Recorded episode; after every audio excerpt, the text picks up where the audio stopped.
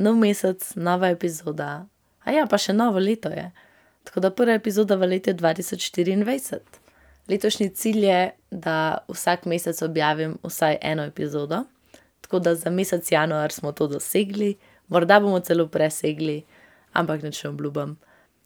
Drugač pa za vse nove, jaz sem Zala in sem ena polovica podcasta Glass Balloons. Moja druga polovica je trenutno na Kanarcih oziroma na Tenerifih, ne vem točno, in uživa življenje digitalnega nomada. Tako da lepo zdrav Nejcu na plažo, upam, da se imaš čudovito. Mi pa bomo v današnji epizodi potovali bolj na ta strm način, in to pomeni ob zgodbah ob pripovedih. In današnja pripoved nas bo popeljala po svilni poti.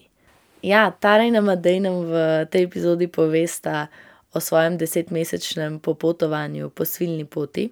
Delita, kako sta spoznala švedsko veleposlanico, kako sta šla viral na TikToku v Saudski Arabiji in kako sta bila tudi cancelled na TikToku v Južni Koreji, kakšno je življenje na Tajvanu, kako je preštopati Japonsko, v glavnem res take izkušnje, da te kar navdahnejo in poženejo malo kri po žilah. Hkrati ti pa dajo motivacijo, da življenje res zajameš s tako polno žlico. Tako da nič, fajn se imejte, pa se slišimo. Čau, čau. Naj bo tak najzgrub.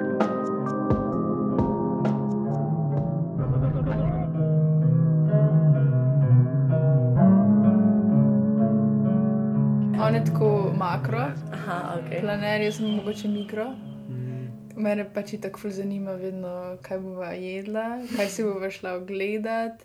Tudi, recimo, polka iščeva, kakšne te couchsurfing hoste, jaz napišem, ali pa, ko smo iskali tudi različne, mogoče prek Instagrama, kakšne zanimive ljudi za spoznati.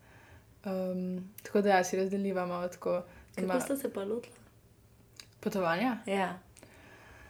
Ah, spontano, Ja, si- čist, čist tako spontano. Nisem imela niti cele poti um, splanirane. Ne? Ja, pač v bistvu že to, kako smo se odločili, da gremo na poti, bo čist Ja, spontano. Ker prvo Ja. ja. smo bila, um, ja, jaz sem bil že v Turčiji v Istanbulu na Erasmus praksi, Mhm. na izmenjavi in mi je bilo ful všeč, ampak pa je bil COVID in sem mogel iti nazaj, ampak že takrat, če prej smo bili skupaj, me je Tara prišla obiskati. ja, ker. Istanbul, Istanbul je eno mojih najljubših mest in pa ja. smo Ja. se tudi tam zelo fajn skupaj in smo nekako videli tudi, da tako v takih potovalnih kontekstih uh, ful dobro delujeva skupaj. Ja, Um, tako da iščeva neke dogodivščine ja. in ja, načine spoznavanja vem, sveta. In, ja.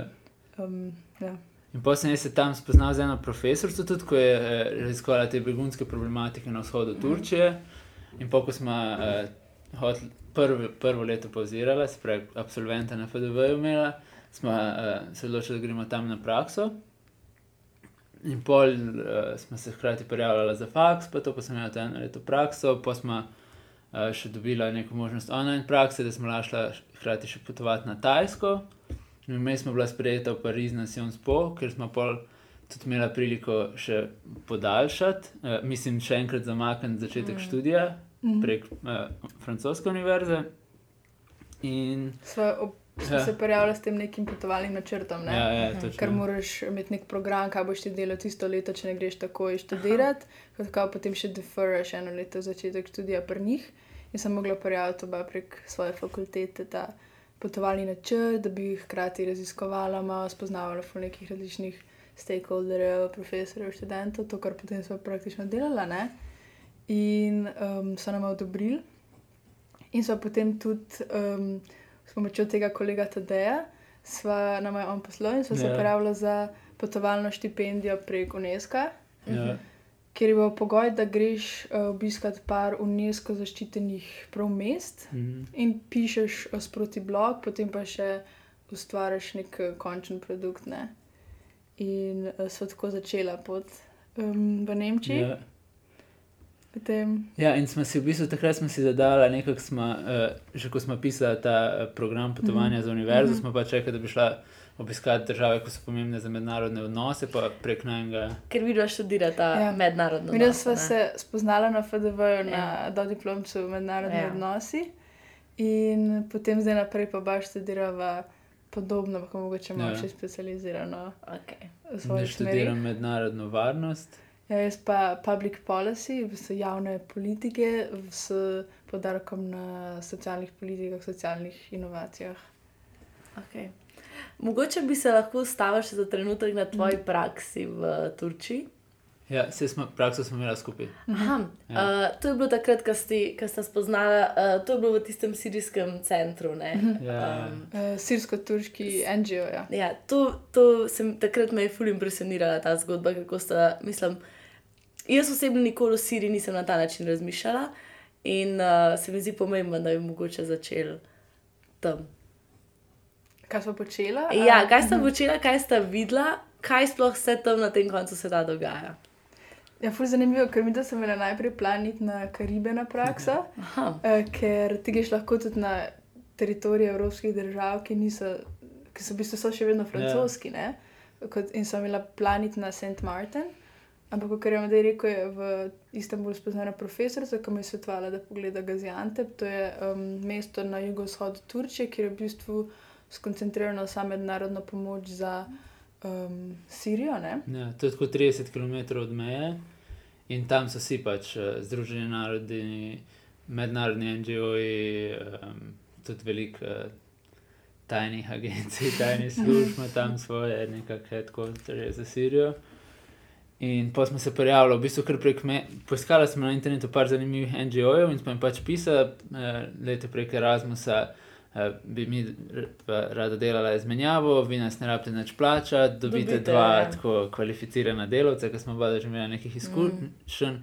In polno je ta en NGO, kjer Orange. Ker smo na koncu šla, nam je tako še isti dan odpisal, ta Mustafa na in šef pol. In pa smo tako v enem tednu že bili zmenjeni, Ja. imeli vse dokumente podpisane. In... Ja, In pa je to malo tako pretehtalo, ta, ja. Ja. te Karibe, ki se nam je zdaj res edinstvena priložnost, ker pravzaprav je bil pač uradno turški NGO, ampak v bistvu vsi uh, sami sirci, sir, sirsko, sirsko voden NGO, vsi uh, so bili. Um, Begunci. begunci. ko so prišli tako že pred več desetimi leti, uh Mhm. -huh. že na začetku, um, ko se je začela, so začeli pori, so oni, večina jih je že na zač- na začetku protestirali, so potem mogli pobegati, ali pa so bili izgnani, Ja. ali pa uh, pač ja, nisem imel druge izbire. In um, ja, no, na začetku, eh, no, mi sva, da to rečemo, sva delala sva v project, manage, project development, project writing, pa Reporting. reporting, pa komunikacija s partnerji, tako da to, kar smo lahko počela, da, da smo, ker ne znava sirsko, turško smo se pa ločila, ker na vzhodu Turčije ne govorijo veliko angliško, ampak ja, um, kar smo lahko počela v angliščini. Ne? Ja, In, ja, ker to je zelo profesionalizirano, pač tam ni zdaj tako, da bi bilo pač neko tako. Mislim, imaš tudi bolj divja begunska Mhm. taborišča, ampak je vse zato, ker je pač veliko denarja upleteno, tudi Evropska unija je tam veliko investirala, pač ne moreš ti kar tako priti tam, pa zdaj malo tako nekega.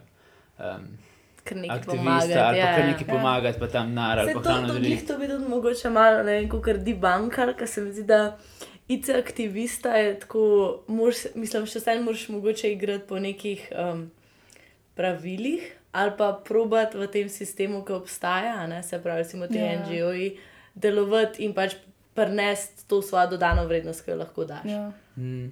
Ja, definitivno. ja. Ja, ker tam je tako pač. Uh, Ker če še vi nered bi recimo upeljevali, po mojem, Ja, ja, ne ja. vem, kako to. Ja, tam so že osnovni te pogoji, da ti, če hočeš karkoli imeti interakcije z, z begunci ali pa z mladimi begunci, še posebej, pač nujno moraš biti ustrezno kvalificiran, mm -hmm. moraš znati jezik. Vse tako in pač mi dva spol, ker nismo govorili arabsko ali pa turško, smo delali v pisarni, ampak smo pol večinoma pomagali pisati projekte, pa pol so nam pač oni dali nekaj, ker smo imeli pač več časa, kot ostali zaposleni v NGO, smo pač mm -hmm. pol researchali neke best practices, pa take stvari, da so pol to oni ukomponirali uh, v Mhm. svoje projekte. Um, A pa sta se že tam tako infiltrirali? Mislim, um, se mi zdi, da sta mogoče tako odprta, da nekako ljudeh vzbudita to zaupanje pa neko dobro energijo. Uh, sta bila že tam aktivna z lokalci, pa recimo s to z vajnim šefom. Tako, kako sta našla prenočišče, a ste. A, sta, a res probata vedno to izkusiti mesto ali pa državo na tak lokalen način? Ne? Ja, se mi zdi, da tam nekako sploh ni šlo drugače, ne, ja, ja. Gaziantepu, ker to je zelo znano mesto znotraj Turčije, ker je kulinarična prestolnica, da iz tam izhaja baklava, iz tam izhajajo vsi najbolj znani kebabi. Ampak ni pa, ni pa mednarodnih turistov, ker je pač eh, nasploh vzhodna Turčija je ful neznana in ne tako obiskana. In pač ni bilo drugega, da so, da so se Ja, ja. uh, z lokalci. Pač, ker tudi ko smo googlali, pa tako ne lovni planetu, sploh ni bilo tega mesta na to pisanega, niti nič. In pa smo tako googlali, smo nekaj malega, par blogov je bilo, mm -hmm. pa par vlogerjev je šlo. Ampak pa smo večinoma tako in iskali namestitve in restauracije in ne vem, atrakcije, turistične nasvete, vse v bistvu v turščini in pa smo pri Google Translate prevajali. Tako da smo že za, za iskanje stanovanj, smo pač Ja. rabili uporabljati turške platforme, pa vse to. Ampak v bistvu smo prvi teden bila prek Airbnb-a. Mhm. pa Ker so tako enem tri eh, Airbnb v, Ja. v celem mestu in potem. Ko Ampak- smo hitro spoznali, gre tam vse tako prek poznanstev. Ja. Ja. Koliko je to osebni stik. Je to je drugače milijon? Tri milijone, se mi Tri zdi, ja. Ja. Po velikosti je pa verjetno ni tako, mislim, ta center. Center Je dosti nasičena gostota prebivalcev. Tako, center je zelo bistvu ima tako razpršen. tri ja. različne centre. Ja. Aha. Ni okej. enega centra, imaš pač ta stari del, kjer je bazar, pa imaš en, kjer je okoli bolj ta novi center, Mm. pa imaš pa Še en kot okoli univerze. ja, okoli univerze. Ja. Tako da v bistvu kar veliko mesto. Ja. Ja. Um, ampak ja, v bistvu so hitro spoznala, da gre vse nekako prek osebnih stikov, pa prek poznanstv. In potem, takoj, ko smo spoznala tega gostitelja, prvega, pri katerem sva bila, si je on tako kot osebno misijo vzel, da nam zrihta stanovanje, ker je on prej živel v neki. Um, V nekem dobrem bloku. ful dobrem bloku in je šel tja, in čeprav oni ne oddajajo za pol leta, ker mi da so ostala pol leta, je potem unga prepričal, da naj morajo vzeti, da so tako dobri osebi, da, da ne more nam naj zavrniti. In ja, smo že tako videli, kako Ja. tam gre. In potem so tudi, recimo, tam je precej konzervativen je vzhod Turčije in zvečer edina stvar, ki je odprta, ne, je So eh, PlayStation kafe, PlayStation cafe in potem je bil to najgov to spot zvečer. S, čeprav sem tam vedno edina punca, so me zelo lepo sprejeli in sva, tam se tudi prijateljila, so še vedno v kontaktu s ja. šefetom, ki je čeprav govoril samo turško. Se je tudi on zadovoljil, da v bistvu mo ne more on naučiti turško in pa vsak dan je preizkušal, kaj so se mnogo naučila. Kako dobro. Um, ja, in potem sva, v bistvu z domačini sva bila skozi v kontaktu v vsakdanjem življenju, ker so tudi, recimo, ko so šla jesti, smo mogli govoriti turško, Ja. ja. v kafičih smo mogli govoriti turško. Tudi veliko je barantanja, Ja. tako da se pač kaj preveč zaračunajo. Ali pa ne vem, ko vprašaš, koliko stane jajc. Pa ne vem, rečemo, ne vem, en jajc 10 centov, pa pol ena čokolada 50 centov, pa eni keksi 20 centov. Ne? In to pol pride na 80 centov, če ti tako začneš. Ampak ti prideš na blagajno. In pol tako vsako jutro, pa skoraj pri istih smo bili, pol to Ja. prišlo tako, ne vem, 2,20 evra, če v evri govorim, ker lire so ful volatilne. In pa se moraš ti zmeriti, tako malo pogajati, pa pogovarjati, pa bla. Vsi tako pol na koncu malo pustiš, pa tako. Ampak, ja, moraš se naučiti osnove turščine, Ja. ja. pa malo tega njihovega pač uh, etosa, kako bi Kako rekel. mu je bilo to? Mogoče ta najprej tebi, kako ti je barantanje. Mislim, um, po mojem sem bila presenečena, kako dejansko bova mogla se tako za. Ker sem šla zjutraj, recimo po sadju ali pa zelenjavo, pač ponovadi sploh ni bilo cene, ne, in Ja. sem mogla vprašati, in to pač takoj sem mogla znati številke in tako ne. Ampak sem, prav, sem mogla kar dobiti na samozavesti, ker sem mogoče še prej sem šla na potovanje, sem bila dosti bolj sramežljiva. Ampak takrat sem pač mogla, mogla pač zbrati pogum in pač tako ne, ne, ne bom zdaj plačala več te dve jabke, ker Ja. pač moram plačati. Ne. Ja, pa tudi včasih tudi če piše. Tudi če piše, ja, tudi če piše, pa, pa gledaš, kako bo tipkov na tehtnico, pa je preveč, se ti, se ti zdi neumno. Ne? In pa sem šla parkrat, parkrat sem rekla, da mi je vse en, pa sem si pa rekla, da je dosti je. ne. Um, kritik sem ponovadi jaz bila tista, ki se mi je zjutraj dal bolj Ja, vrniti ja. in sem pač zbrala pogum in sem videla, da so vsi drugače zelo prijazni, ampak pač tak je način tam, ne. Ker sem tudi gledala, pač je prišel en fantek, Ja. in je imel pet lir, ne, in ne vem, manj kot en evro. In potem je hotel kupiti, ne vem, tri sladkarije, pa mi je rekel, da je to sedem lir. Pa je rekel, ok, dam eno to nazaj, ampak dve uni za tako ne, to je še vedno preveč. No, da daj mi dve uni, pa eno uro nazaj, pa se nekako zbarantov, da je v bistvu, da bo full več, kot na začetku mu hotel dati in ja, pa so videla pač let, ko gre, ne, to, to se moraš naučiti.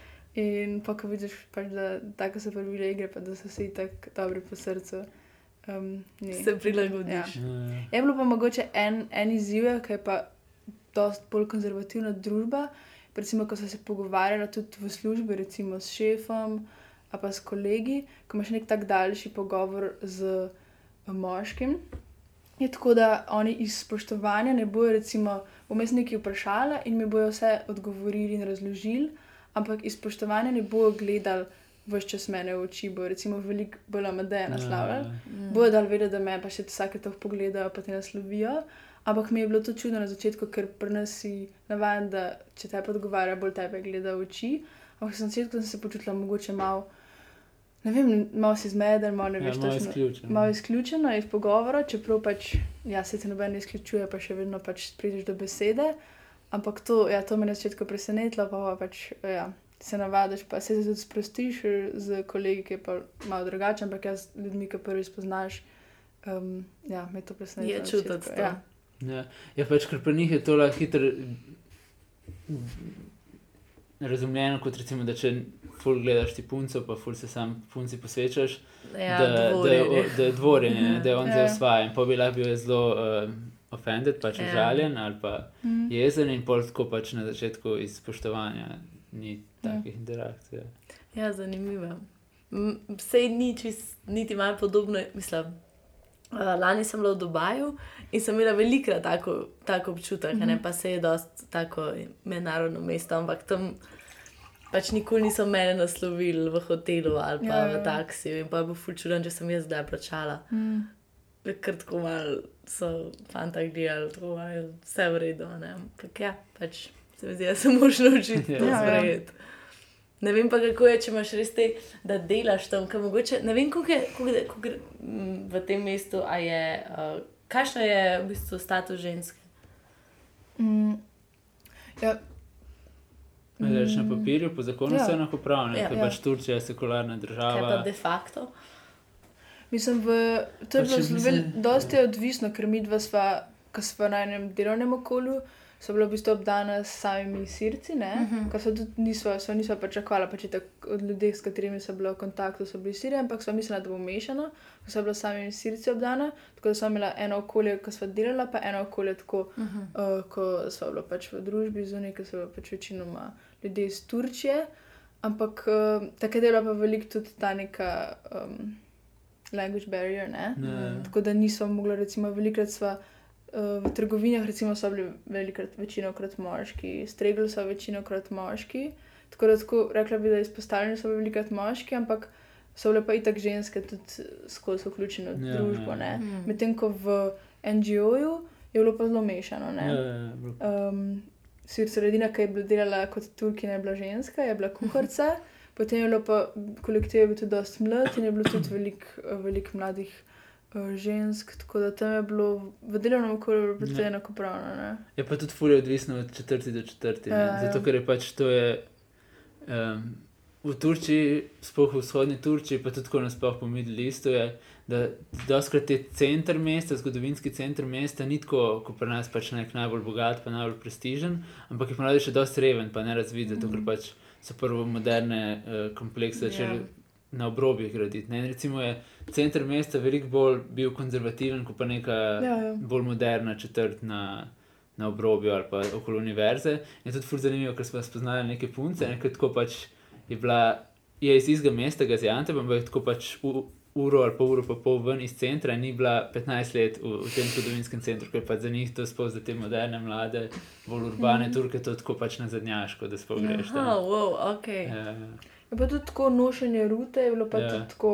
Kakšne, zdaj čist njihova osebna izbira, ampak so bila tudi tako, niso sploh mogla točno ugotoviti, ker velikrat je bilo tako, da um, mama je bila pokrita, hčerka ne, a pa hčerka je bila, mama ne. ja. Uh, tako ne bi rekla, da je bilo tako večinoma pokrito, večinoma ne, tako zelo, Mhm. zelo mešano. Tako da Ne. to se mi je bilo res. To je pa um, zanimivo. Ja. ja, tudi z- zanimivo, ker s tem šefom smo se dosti dobro razumeli. Ne? Mhm.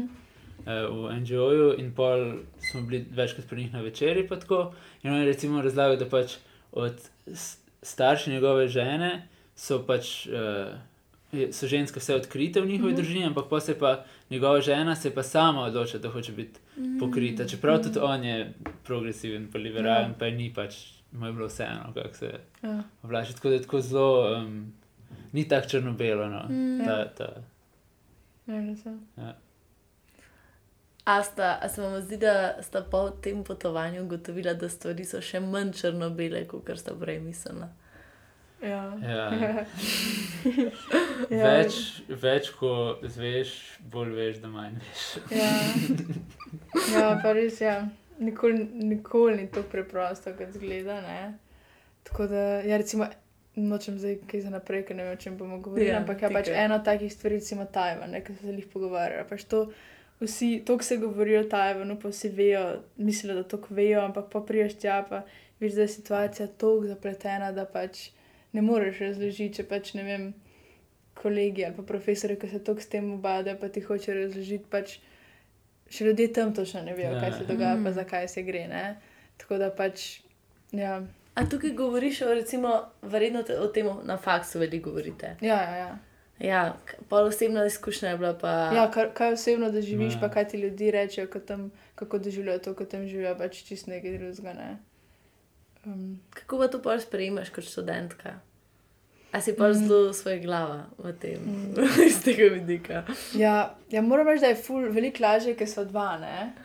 Da, da lahko pač to um, vsaj drug drugega razumeva in se pogovarjava, ker, ker če ne, po mojem, bi, bi bilo nevarno, da, da že malo tako se ti začne blest. ne. Ker potem, recimo, ko hočeš nekomu doma, kakšnemu kolegu razložiti, da mogoče ni, ni stvar čisto preprosta, kot smo se mi naučili, ali pa kot mi mislimo, ali pa kot piše v naših medijih.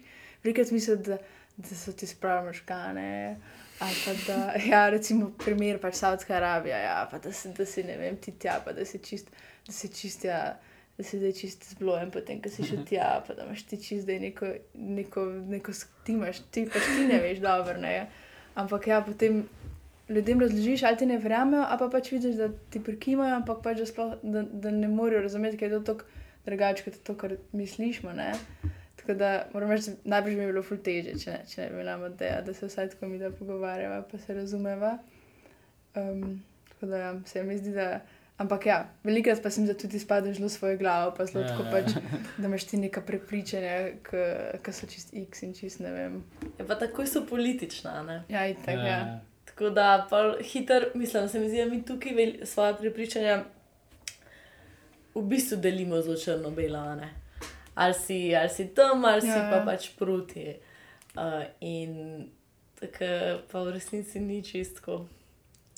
In to je ful težko, ker pa si pa mm. mogoče pa spodbujaš status quo. Je težko pol kakršno koli odločitev sprejeti, pač, ker. Ja. Um, mogoče se lahko kar Saudske Arabije dotaknemo, ker je taka. To, je bila to vajna prva destinacija po Turčiji? Mislim, da ja. Mm, Ne? Um, ne mi dva sva. Okay. Po Turčiji je bila prva velika destinacija Iran. In Ah. čez Iran sva šla, ne, Ne. i- čez. Gremo, gremo sem še malo bolj do konteksta. Okay, lahko Ker smo bila na kontekstualiziraš, praksi, Ja? A ja, ok, pa ja, po Turčiji, ja. Ne, ne, ne, jaz sem mislila Turčija drugič, ampak Ja, ja. ja, ja. Ok, nisem še Em, prišla. Ja. Bila smo na praksi v, vzhodni Tur, v jugovzhodni Ja. Turčiji, pa smo bila dva meseca na Tajskem, pa smo ona delala, okay. pa smo prišli domov Mhm. poleti 2022. In pa smo se poleti 2022 začela s to UNESCO štipendijo in se odpravila na novo pot. Mhm. In naredila ta Ja. plan za, Ja. za delayed studies. Ja, ja, ja. Okay. ja In velik ed- plan. In edine karte, ki smo kupila Ja. polet, so bile Iran, South- Saudska Arabija. Ja.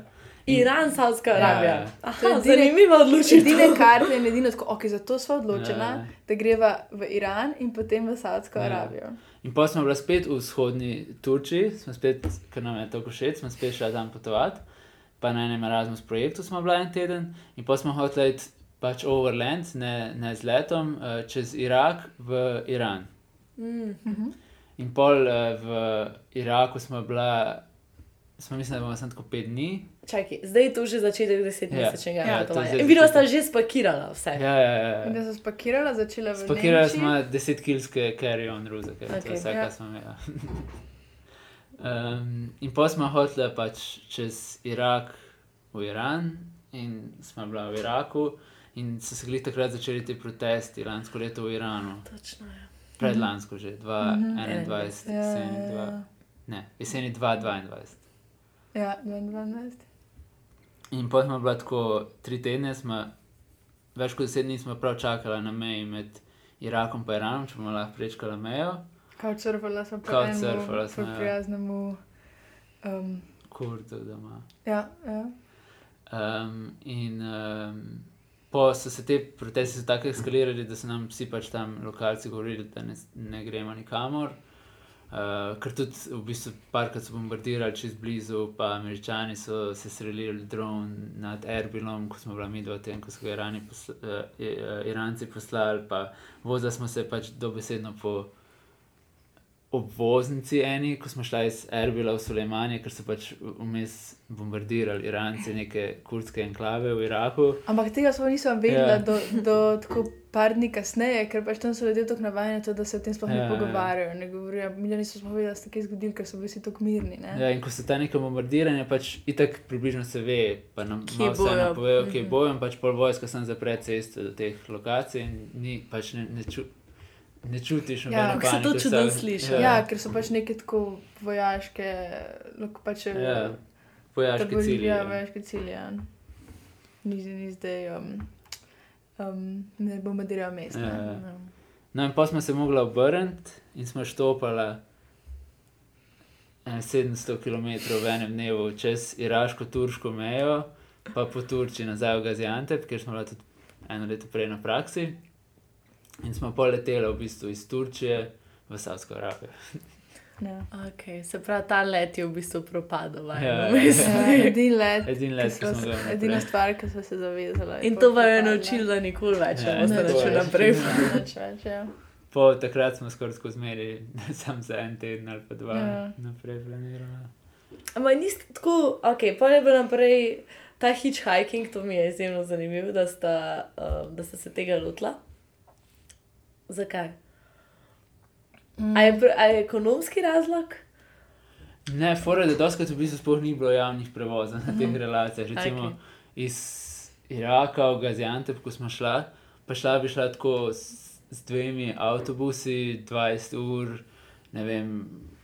Nismo, nisi mogel prek interneta kart kupiti, moglo biti v mestu eno uro stran, ne v Dihok, mm -hmm. sam kupiti karte en dan posebej. In pa smo pa pač ok, in tako so nam vsi rekli, da je full simple, pa smo spoznali tudi druge Mm. uh, uh, travelerje, potovalce, uh, ki so že štopili v Irak, in smo pač skoki, pa imamo še mi dva. V bistvu so na, oni navdihnili. Ja, ja, ja. Pa je bila to vajna prva, da rečeš, taka izkušnja, štoparska. Smo že štopili prej, ko smo bili na praksi, pa jaz sem že 2019, ko sem bil prvič v Iranu, sem že štopil po celem Iranu, tako da sem že imel Ok, pa ste kar izkušnja. Ja. In uh, ja, pa smo pa pač stopili čez to uh, iraško-turško mejo in smo prišli na mest pač v 20 urah z bus, 20 urah z busom, smo prišli tako v 11 urah in še več 8 ur od tega smo pač bila v enem zelo udobnem tovornjaku. Jaz sem ležal na, na poslu šoferja in je bilo super.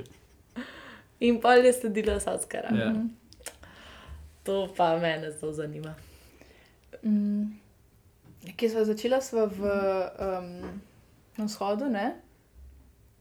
Ja, v mestu Kobar, kobar. Mhm. Kobar kjer si se ti že fulog časa pogovarjal z enim uh, Prek couchsurfinga, ja. ki je tudi rekel, da naj bo pelil vse domov v največjo oazo, ne? Ja, ja. um, v Saudski Arabiji, tako da sem imela ful dobro, dobro prvo uh, izkušnjo. Uh, najprej v tem mestu na vzhodu, potem pa v um, Oaziji. ja. In um, ja, Ja, smo v bistvu je fora tudi, da, da je bila uh, Saudska Arabija bila do leta 2019 mm -hmm. bila zaprta Ja. za turizem. Ne? In pa so se oni odprli jeseni 2019, in pa je bil COVID, in pa v bistvu se ni potovalo, ful velik do mm Mhm. -hmm. praktično Vi ste bila videla 2, prva 21, turista. 22, smo bila ja. pač Ja. ja, med prvimi turisti tam. Tako, um, Ker zdaj je pač zadnjem letu je Saudska Arabija ful. Či se eh, je skanirala, ratala pač prav popularna. turistične agencije masovno. Ja, Ja. ja. In um, in kamorkoli so prišla, so bili ljudje ful veseli, Ful, da so ful, tam, ful. ne, ker pač so se oni pripravili na turizem, ampak potem je bil COVID in itak so pač eh, že tako kulturno najbolj gostoljuben narod možno, po mojem, Ja. ne. In zato je bilo štopanje ekstremno preprosto in tako najbolj prijetna izkušnja možna. In tudi eh, Couchsurfing, ta aplikacija je full popularna. In Zanimivo. um, je ful, mislim, imaš veliko aktivnih gos- gostiteljev, ki so na jo Ja. posod sprejeli, ful prijazno. Se pravi, In- spali večinoma pri lokalcih doma. Ja. Uh, enkrat sem spal pri enem američanu, ki je delal na, kot svetovalec na Ministrstvu za kulturo, v diplomatski četrti smo spali v Rijadu, kar je bilo Mhm. tudi crazy. Um, Svala spa pri družini v Medini, ja. ki je bila do pred kratkim, je bila Medina sploh ni bila odprta Za za, tujce, ne? za, ja, za nemuslimane. Ja. In um, je bilo ful super izkušnja, da so sploh lahko pač bila pri družini doma, ker je bilo ful sproščeno, tudi z ženo, hčerko smo se, um, smo se pač normalno družili. In oni so nam ful lahko lepo razložili, pač so mi dali tudi, takrat je bilo edino krat, da sem jaz imela gor abajo, Mhm. to um, obleko, pa tudi uh, ruto. In so nam vse razložili, pač, kje se je najbolj, uh, najbolj sprehoditi, uh, kako pač se spoštljivo obnašava. Um, tako da sem imela res super izkušnjo posod. Mm, Um, Angliščina je bila v redu. Ja, Ja, angliško ja. ja, res uh, govorijo super, še posebej mladi, zato ker že kakšne deset let se mi zdi, da uh, je ta, da spodbujajo ne, mednarodno- že 90. Ja, ampak deset let je še ful bolj, bolj ampak je že od 90-ih in um, ful spodbujajo, da pošiljajo mlade na um, najboljše univerze posod po svetu, v Ameriko, v Avstralijo, v Veliko Britanijo, tudi v Evropo. In res se mi zdi, da kjerkoli um, študent, ki si želi, lahko gre v tujino. In um, skoraj vsi govorijo tako, če je angliško, tako da to res ni bilo problemov. Mm. Skoraj vsak naj jo povabi k sebi domov, tako da sem imela toliko izkušenj. Um, Pa ja. Tako je bilo noro, ker pač uh, so to gostoljubni in ti, ko si prišel v nek coffee shop, je pač nekdo te videl, da si turist in so bili tako, ne, jaz bom plačal za njih, jaz bom plačal za njih. In to na neki točki so že toknama časi, da smo se že tako slabo počutili, da se pač to se rado prav skregati. In nam je ta američan, nam je dal pač trik, da ti, ko si v restavraciji ali pa tako na kavi s kakimi savdici, greš na WC, pa na skrivaj plačaš, ker če ne te ne bojo pustili. Okay. Pač res prav ne pustijo, te Mhm. ni variante. Ja. Ja, in je noro zato, ker je država se šele pred kratkim odprla za turizem, ampak je tako zgodovinsko in kulturno bogata, ker um, mislim, da takrat do 2019, oziroma do zdaj, so tujci prišli samo v večinoma v Meko in v Medino kot uh, romari. Um, zato je pač eh, drug, vse ostale z- znamenitosti so bile večinoma samo za notranji turizem in uh, se šele zdaj zgradi ta turistična infrastruktura. Tudi oni so veliko, podobni so američanom v tem, da je vse tako, vsi imajo svoj avto, nek Ja, fotogramen ja. avto, posod se gre z avtom, tako da tudi javni transport ni za zdaj, takrat, ko so bili midva, ni bil tako najbolj accessible oziroma velika za te ne tako popularne rela- relacije, ko Sploh so ni šla, bilo sploh ni javnega bilo, zato so se tudi točno za štopanje. Uh, ampak ja, zato ima tudi država tako poseben čar, ne? Mm. ker je vse tako, vse pač tak feeling sem imela res tako neodkrito, ampak hkrati so pa ljudje tako veseli, ko prideš in um, tudi, uh, ja. Ja. Tam sta imela svoj prvi viral TikTok moment. A je bil to z njim kripi hotelom? Ja, ja lahko veš, Ja, zakaj so sploh eh, naredili TikTok. Pač, fore, da uh, smo imeli oba, da prej pač smo že objavljali na Instagram, pa na Facebook tudi, pa tako pač teh soš, socialnih mrežah, ko so pri nas popularna. In tudi tako smo se povezali z Ja. ljudmi, ki so spoznali, da smo se dodali, da še zdaj pač smo v kontaktu. Um, Ampak pol v Saudski Arabiji je bilo pa tako, da pač niso uporabljali niti Instagram, niti Facebook, tako Face in pa smo se mogli dodati, da bomo vzela Snapchat, a bomo vzela TikTok. to je dvo, dvoje, kar se Ja. tam uporablja. Res? Ja, in Wow. Snapchat je tako bil, nam je že malo pasene, ker je bilo to tako bolj, ne vem, prvi Ja. letnik v srednji ali pa v osnovni šoli. In um, smo pa rekli, da si bomo naredili TikTok, pa je hkrati tudi kul, cool, pač, da se naučiš nekega socialnega omrežja, ko je popularno, videi so zmer zanimivi, tudi domov lahko pošleš. In pa sem začela delati take čist uh, basic TikTok, sploh nismo mi dogovorili na začetku, smo dali sam ta robotski zvok. Mm. In po desetih dnevih smo prišli sred noči v eno mesto, uh, Jambu. Mi smo si dali izziv, da bomo tako dva tedna probali Ja. vsak dan objavljati, pa videli, kako nam je, če bo kdo gledal. Ne? Ja, in pol po desetih dnevih pridemo od kosili noči čist trujeni, ampak smo se hodili res držati tega izziva. In sem naredil, pač, ok, prišli smo v ta krivi hotel sred noči, nikjer ni bilo nobenega. Pač ni bilo ni ce, pač to besedno kot pesek, ki je bil okoli in okoli hotela, sicer v sred mesta, mislim na robu mesta, ampak ni bilo nič okoli nikjer. Um, Tako to je že malo upavalo, ne? Pa jaz Ja. niti nisem gledala, smo tako samo, da je samo objavljala video, res smo že briga, kaj, ja. kaj objavljala. In pa se zjutraj zbudim in tako odprem TikTok in je tako, ok, 200 tisoč ogledov ali 300 tisoč ogledov, je bilo polno komentarjev. Jaz sem pa še ful slabo spala, ker je Ja. bil tako eden od, eden od redkih hotelov, da ni bil najbolj prijeten. In potem je tako reče, ta rabaš naj video, ima tako ne vem, ful 200 ali kako 300 tisoč gledov in sem tako, ok, ne. Uh, Ampak tako niti bilo prijetno z vidika udobja. Ali, uh, Ne, sem zaradi obdobja, ja, pač Ok. okay. nisem se počutila Ja, nevarno, ni bilo sam. nič nevarno, sem tako Tudi pač ni bil- bilo, ni bilo, ne, ni bilo čist čisto. Ja, ja. Sam je bilo pa tudi tako, da nisem vedela, ali je bil hotel, ali je bila stanovanska hiša, sploh nisem vedela, točno je kdo tam zaposlen, ker sem en prvi in imel te ključe. Ne? Ja, ja. In, A to ste em, na Bookingu rezervirala? mhm. Na, ja, na Booking, Agodi, ja. na Agodi. Ja. Aha, ok. A ja, Ampak to je tako ista stvar, okay. ista firma. Um, ja, in pol je šlo to full viral, viral je šel pa predvsem zato, ker so se pač lokalci full ustrašili zdaj. Da vidva mislite, da je tukaj ni varno. Ja, ja, ja. in mama in ni da- dobro, zdaj bo cena Evropa Ja. mislila, da tukaj ful ni dobro. Ja, ja. In da pač tudi, da se nama ne bi kaj zgodilo ali pa kaj. In Ja. pa so se oni ful užgali v komentarjih in začeli pač pisati, ne, Saudska Arabija je ful varna, bolje varna kot vaš dom, bolje varna kot Amerika, bolje varna kot Bela hiša. Safer than your mama's womb, but like it than your mama's stomach. Ja. In um, Ampak tako, no, brother, come here, come here, uh, go, come to my house, come to this place, Saudi Arabia, so nice. Večinoma Ja. je bilo tako zelo Ja, prijazno. ful je bilo pozitivno. In pa so oni dejansko začeli pisati na Ministrstvo za kulturo, eh, za, za, turizem. za Turizem. uh, kako je možno, da ima pač ta hotel licenco za turiste.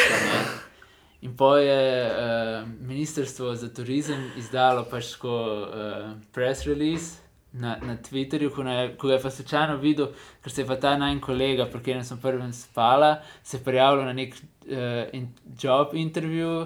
Na, za ministrstvo za turizem in je slučajno videl na Twitterju, če ne mi do pomoč, sploh ne bi tega Ja, ja. uh, zasledila, da je pač ministrstvo objavilo press release na enem videu in pol smo tako malo sem se ustrašila, ker je na koncu pisalo, da pač kdorkoli bo. Že mi da se dalo Google Translate, ne, Ja, ker je ja. bilo rabščeno in pa je tako itak malo tako slabo prevedeno, tako whoever, whoever damages the image of Saudi Arabia will be prosecuted.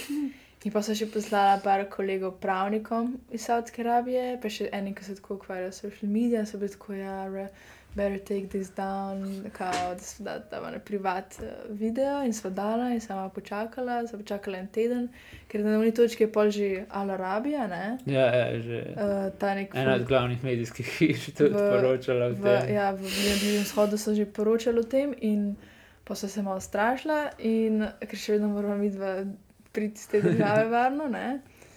In pa počakava en teden, in se ni nič zgodilo, edino pa so videli, da hotela ni več na Bookingu. Ne? In pa so tako, ok, no, najbrž so mislili hotel, če naj nobeni kontaktirali, Ja. in potem so naprej objavljali, sicer malo bolj previdno, malo bolj pozitivno Ja, video, ampak ampak pa še vedno. kolegi so zmeraj govorili, pač, da ne rabimo skrbeti. Ja, da ne rabimo okej. kirati, pa, pač vedno, vedno so bile iskrene, glede Ja. ja. na nekih izkušenj. Um, ja.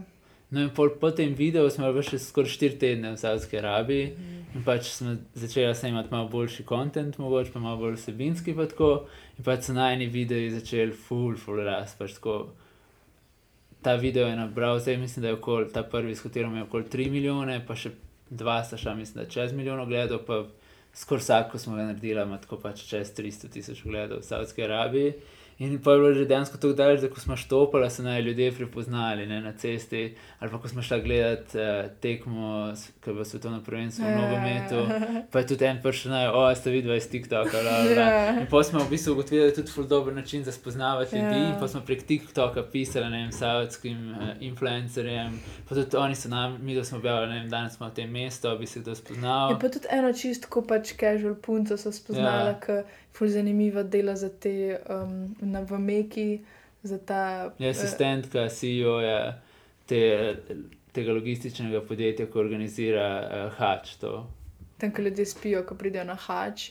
In pa so imeli priložnost, Oh, da so wow. tako s skupino savdskih punc gledala tako eno tekmo, ki je Ja. yeah. Saudi igrala proti, vem, Proti. Argentini. proti da Argentini. Ja. Aha, to je bila ta. Ja. To bo moglo biti ful dobro. Ja. ja, sem imela ful super izkušnjo. Uh, tako da je bil nek dober način tudi, da stopa v kontakt z lokalci, uh, kar je v bistvu primarno, zakaj so to naredili. Ja. no. Ja, da res stop. Pa verjetno, mislim, ne vem, če veste, ali pa mogoče že zdaj vidva to tako uporabljate, ampak TikTok je v bistvu med Gen Z-ovci ali pa med mlajšimi tako search engine. Ne? Mm. In ne grejo sploh več googlati, ali pa greš v kakšno mesto, pač sam v TikTok, Ja. upišeš, ne vem, what to see, Ja, ja, ja. Azores. Ja, se to ful dobiva, ima tako message requestov, pa to, da pomagamo pač, Ja. ja. ali pa imajo kakšno vprašanje, kam je, kaj Ja, dela, pa ja, kak tudi, za vizo. Ko so bile ful, ko so bile ful hude poplave, ne, ko Ja. so bile v, v Džedi, Ja. uh, je tudi enega, enega snemalca spoznali na tak način. Uh, Ni sploh content creator, ampak je rekel, ja, da pač on tudi sam pogleda na Ja. TikTok za novice. ne. ja, in je bil naj video tam med ki glavnimi smo naredili pač, da novicami o so- poplavah. Da smo ujeta v hotelu zaradi poplav in pa je rekel, ja, da se še sam pogledati, pač, kaj se dogaja in naj jo najde in pa naj jo kontaktira, če smo ok. Tako da, Huhu. tako da. A ga zdaj še uporabljata v Parizu? Je življenje v Parizu bilo na začetku malo preveč naporno, da bi se Ja. TikTok delal, ampak imamo material Ja, pripravljen. mislim, pol, po manj negativni izkušnji v Koreji sem bila malo discouraged. V kaj pa je bilo v Koreji? Um, ja. um, Vrsti? Vajti. Je v, um, Mira se potem tako malo on and off še vedno objavljala, odvisno od države, v kateri so bila, pa koliko se je tam obja- upora- uporabljal TikTok, pa koliko se je nama dal. In potem, ko so bila v Koreji, sva uh, najpogostejše videi, ko so tudi nama bili zanimivi, pa znani kolege, so, ko so recimo štopala. Ne? In v Koreji se je prvič zgodilo, da so probala štopati. In čeprav so vsi veri kot um, Hitchhike, Wiki ali kako Ja, yeah. ja. različne strani, ki jih upravljajo, skratka je pisalo, da je uh, Hitchhike precej preprosto, da je hitro te poberejo, da so ljudje navajeni. Uh, skratka, nama prvič na potovanju ni uspel um, dobiti avto, čeprav so čakali cel dan in so posneli v tem videu, ker potem so šli na avtobus in še tisti avtobus se je zaletel in začel kregati z enim, z enim voznikom in potem je bila cela, cela, Ja. ja. cela ta izkušnja precej stresna in se je objavila, ampak nič kaj preveč negativnega, pa pač... So objavila že veliko bolj negativne videe. Sem pa že njemu ni uspelo, da nam noben ni pobral in pa se še ta stepu in da pač to se nam je zdaj prvič zgodilo in so se ljudje ful užgali in tako pač res grozno. Ja. Nekdo je repostil na Twitter. Večino, najprej se je začelo na, na TikToku, da so neki te K-army, K-pop fani so začeli uh, snemati. Uh, To so večinoma niso bili Korejci. To, na TikToku so bili tujci, ki so Ja. začeli snemati videe, kako smo mi dva entitled, um, backpackers, Ja. ja. kako, um, kaj si upava govoriti o Koreji. In, Negativno. in pač, da Koreja ima tako odličen javni transport, da zakaj sploh pomislila, da bi hitchhikala in govorila grde stvari o Koreji. Okay. Predtem sem bila tudi na, na japonskem, ker bi tudi lašla z busi, pa vse tam smo vse probali štopati in nam je bilo všeč, ker smo ful ljudi dra- spoznala, ki jih drugače ne bi. Ki ima bolj zaprta družba. Ja. Mm. In nam je bilo ful všeč in smo ful rada štopala in pa smo rekli, ok, bomo še v, v Koreji. Pač si, Točno iz tega vidika, da pač se Ja. integrirata z Ja. lokalci in To, spoznata. ja, ja, ker so bile tudi kar ene najbolj, najboljših izkušenj na japonskem in so predvidevali, da bo tudi na Koreji podobno. Koreji Ker itak, podobno. pa sploh ni bilo zaradi denarja, ker itak smo imeli zbudžetirano, itak smo tudi v videu rekli, da smo šla pol, smo šla na bus, ker ni bilo, ker naj ni noben pobral. Ja. A pa to so bili večinoma američani, ki so se komplejnili. Ful, veliko je bilo američanov. Mhm. Um, pol pa na Twitterju je pa bolj prišel tudi, so bili pa tudi Korejci. Mhm. In pol je bilo tako pač res grozno, ker je Ojoj. prišlo Ja. 10 milijonov ogledov na Twitterju, nek račun, ki je pol sicer so ga take downal, um, ampak je bilo ful tako pač grožnje smrtjo, ne vem, uh, pač res ne. In nekdo je napisal tudi članek o nama in potem več O moj bog, več člankov. in, Bila smo tako na nacionalnem TV-ju, ja, videu. in potem so pač povedali, najni, mislim, nekdo je napisal prav najni celi imeni, potem so nam pisali na Instagram, pisali so tudi UNESCO. Uh, kako komu si upajo oni dati um, štipendije, potem so tudi nek, neki novinarji, dosta tako. Pač kar začeli so Ja. se izmišljati stvari od nama, ker sploh ni res, ali pa ni imelo veze z videom, niti nič. Oh, Pa tudi nek ameriški profesor v Koreji je kar Ne, novinar. Novinar, ameriški Novinar. novinar, v Koreji je, čeprav ljudje pač so že kar, nekako se je sploh zgubili, kaj sploh mi, da sva naredila. Sem tako, nekako se je govorilo o nekem nečem groznem in pa so ljudje sem to Ja. potencirali. In pa so bili In- nasploh pač v Bejovcih, fulero, tako Ja. ja. smo Bejovci grozni. In, um, nasploh v turistih, ko pridejo v Južno Korejo, pa Mhm. ne vem, kaj delajo. In je bilo kar. In pa je videl, ko so bili v Koreji, ne? Ja, pa se ne rabi. Ja, ja, ok, ok. Um, no, ja, ni, ni bilo prijetno, ampak na srečo so bila mi dva takrat že v Hongkongu, kar pomeni, da, da nismo tega mogoče občutili tako neposredno, Ja. ja. da ne bi šla ven, pa bi bil kdo tako videl, je grozno, sta objavila ta video. Ja. Ampak je to tudi pomenilo, da pol sva hotela tudi prijaviti na policijo, ker je bilo še tako daleč s temi grožnjami, ampak nisem mogla, ker bi mogla biti še vedno v državi. Tako da pa se je sama poleglo. Sicer so Ja. čez par tednov napisali z UNESCO, če so ok, kaj se je zgodilo, ker tudi njim ni bilo jasno, ker je bil sem nek tak. grozna izkušnja. Ampak Ja. pa sem razložila in pa so oni razumeli in sem bila tako, sem, ok, pač, da sta videla ok. Ja, ampak fur je zanimivo, ker tudi korejska družba je ful polarizirana. Mhm. Imajo tako zelo desne, pa, pa tako bolj liberalne medije, in tudi tako mladi so ful polarizirani. In mi, da smo, da smo imeli ful pozitivne, res Koreja nam ni bila tako všeč kot neka destinacija za turizem, ampak z ljudmi, pa tako nek cel vibe nam je bil pa ful všeč, ker so Ja. dosti odprti bili, ko smo jih To so spoznali. zahodnjaški v primerjavi Ja. ja. z ostalo Azijo. Mm, Ne? V bistvu ful. Uh, Tak nekako, tako, tako je moj vtis. Ja, Ja. videla so tudi mislili, ampak potem je bilo eden izmed najbolj takih tlacev, ker nam je bil res tuj, tako in Ja. po izgledu, in po recimo hrana, kultura, da sploh nisem mogla tako povezati z nečim domačim. Mm. Sem tudi bolj kot Kitajska, bolj Ja. kot Japonska, bolj kot Tajvan, da se nam je zdel res tuja, ampak tako ljudje, ki smo jih spoznali na tak način, da smo jih kontaktirali, pa da so imeli neke uh, kontakte, pa um, da nam je nekdo povezal, uh, ki so ga poznali odprej, to je bilo pa res ful pozitivno. Um, Medtem ko ljudje mogoče tako na ulici, pa tako v restauracijah, znajo biti na- sprva kar hladni. Ja, ja, ja, znajo biti hladni, pa tako malo mogoče nevljudni, ampak pa ko pa nekako ja. ko kaj spije z njimi, ali pa ko večkrat rečeš, da ti je bilo nekaj ful dobro, pa se nasmejijo, pa so Mm. mm. prijazni. Ampak ja, Pol, pol, po vajnih izkušnjah vam je bila Japonska veliko bolj topla, pa odprta kot Južna Koreja. Ja. ja, ja, ful. Ja. Zanimivo. Ful bolj, ja. Pa vidva ste začela v bistvu na, Japo na japonskem potovanju na jugu, ne? Ja, ja. Mhm. Tako je nasploh tudi malo bolj, mislim, ni tako turistično. Ja, ja, ja. Ja, to, to naj malo skrbel, če kako bo jug Japonske, ker so tja letela, zato ker je bila najboljša povezava iz Tajvana. Ampak um, je bilo ful, ful zanimivo, so začeli na tem Ja. južnem otoku Kyushu in takoj prvič, ko so štopala, so spoznala eno družino, ki je imela v, v lasti neko tako malo izakajo, restauracijo, slash bar. Mm. In so naju pogostili in povabili k sebi in pripravili vse, kar pač vse najboljše, kar ima za ponuditi japonska kuhinja. In je bila res tako najbolj topla izkušnja, že in- od začetka. Zanimivo je tudi, ker z večino teh ljudi, s katerimi smo štopali, smo še zdaj pač v kontaktu prek Mm. Instagrama, pa to je ful, to. Ja. to nam je res super. Veste, kjer film pete gledati? Perfect Days. Smo jih včeraj gledali. A res? Če se gleda. Kako vam je bil? Ful dobro. Ful super, Pač ja. točno tako se počutiš na japonskem. Ja. Jaz sem ga gledala v nedeljo in že od takrat sem sam tako blest, bi rekla. Ne, takrat sem, sem včeraj bila samo tako, pa če kako se lahko tako dobro, tako povzela, sem tako, kako je tako biti Pač- na japonskem. Ja, tako, ja.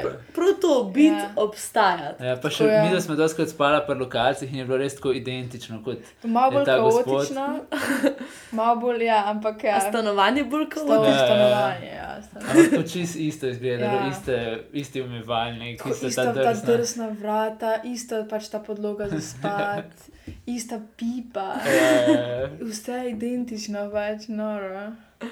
Ja, VC je tudi pač noro. Meni je zanimivo ta kaos, ki ga imajo doma, ker recimo v arhitekturi na te neki evropski, azijski, japonski arhitekturi je pa pač japonska, japonski vibe, ta full. Clean, minimalističen, ravne površine. Pa pa vidiš pač ta, to, ta reality, a ne? Pa je full daleč v bistvu od tega. Ja, ja, Ful je noro, ker tudi drugač javni prostori so ful urejeni, ne? ja. In javna stranišča, tako kot je v filmu, Ja. in vrtovi, in nasplošno. Pač vse.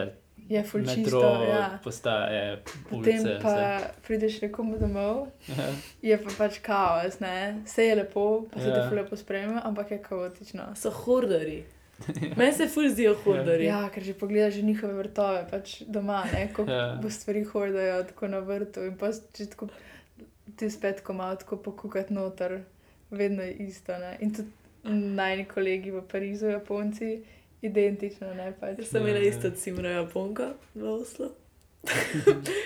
Njena soba je bila tako storage room, pač jaz kaj tazga nisem videla. To je bilo res skuno, stekano, en na drugem, tako neki kuhinjski pripomočki ali pa hrane, ali pa paketi hrane. Tako, čist noro. Pa tudi, ko smo štopala, ne, ko so, um, ko ima vedno te rice cookerje, ne, in pa so štopala z enima prijaznima dvema, zna, dve, dva mlada znanstvenika sta, se ustavila in sta imela isto pač v, v sta šla, vem, za en ali dva dni in sta imela v, v uh, prtljažniku ta rice cooker, ne, in tako ful stvari, tako pač, da ne morete iti brez tega, ne, za en dan in sta bila pač na vse pripravljena, ne. A pač tako jaz se le, se razumem, ne, potem imaš pa vedno popovdriš, ne. Ja. Aj še kakšen ta, dej še kakšno to primerjavo s filmom.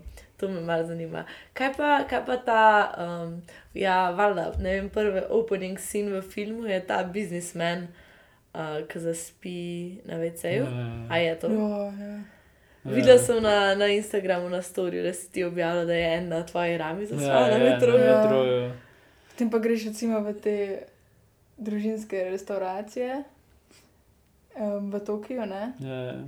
In, in vidiš fulkrat biznismena ali pa enega ali pa dva, ki sedite, pa Pa vsak ima tako liter vina, pa spijo vino in pa se spijo kar restauracije. Ja. Enkrat je en gospod še tako mu je padel telefon iz roke na tla, ker je pač se zveknil nazaj in zaspal na stolu. In pa nismo vedeli, kaj enega zdaj zbudima. Ja, ja, gre za tako bal za ta njegov telefon. Ja. Kaj, kako, pa, kakšen od- kako pa je to izkusiti v živo? A, mislim, jaz si predstavljam, da je meni bilo tako malo mal bila žalostna.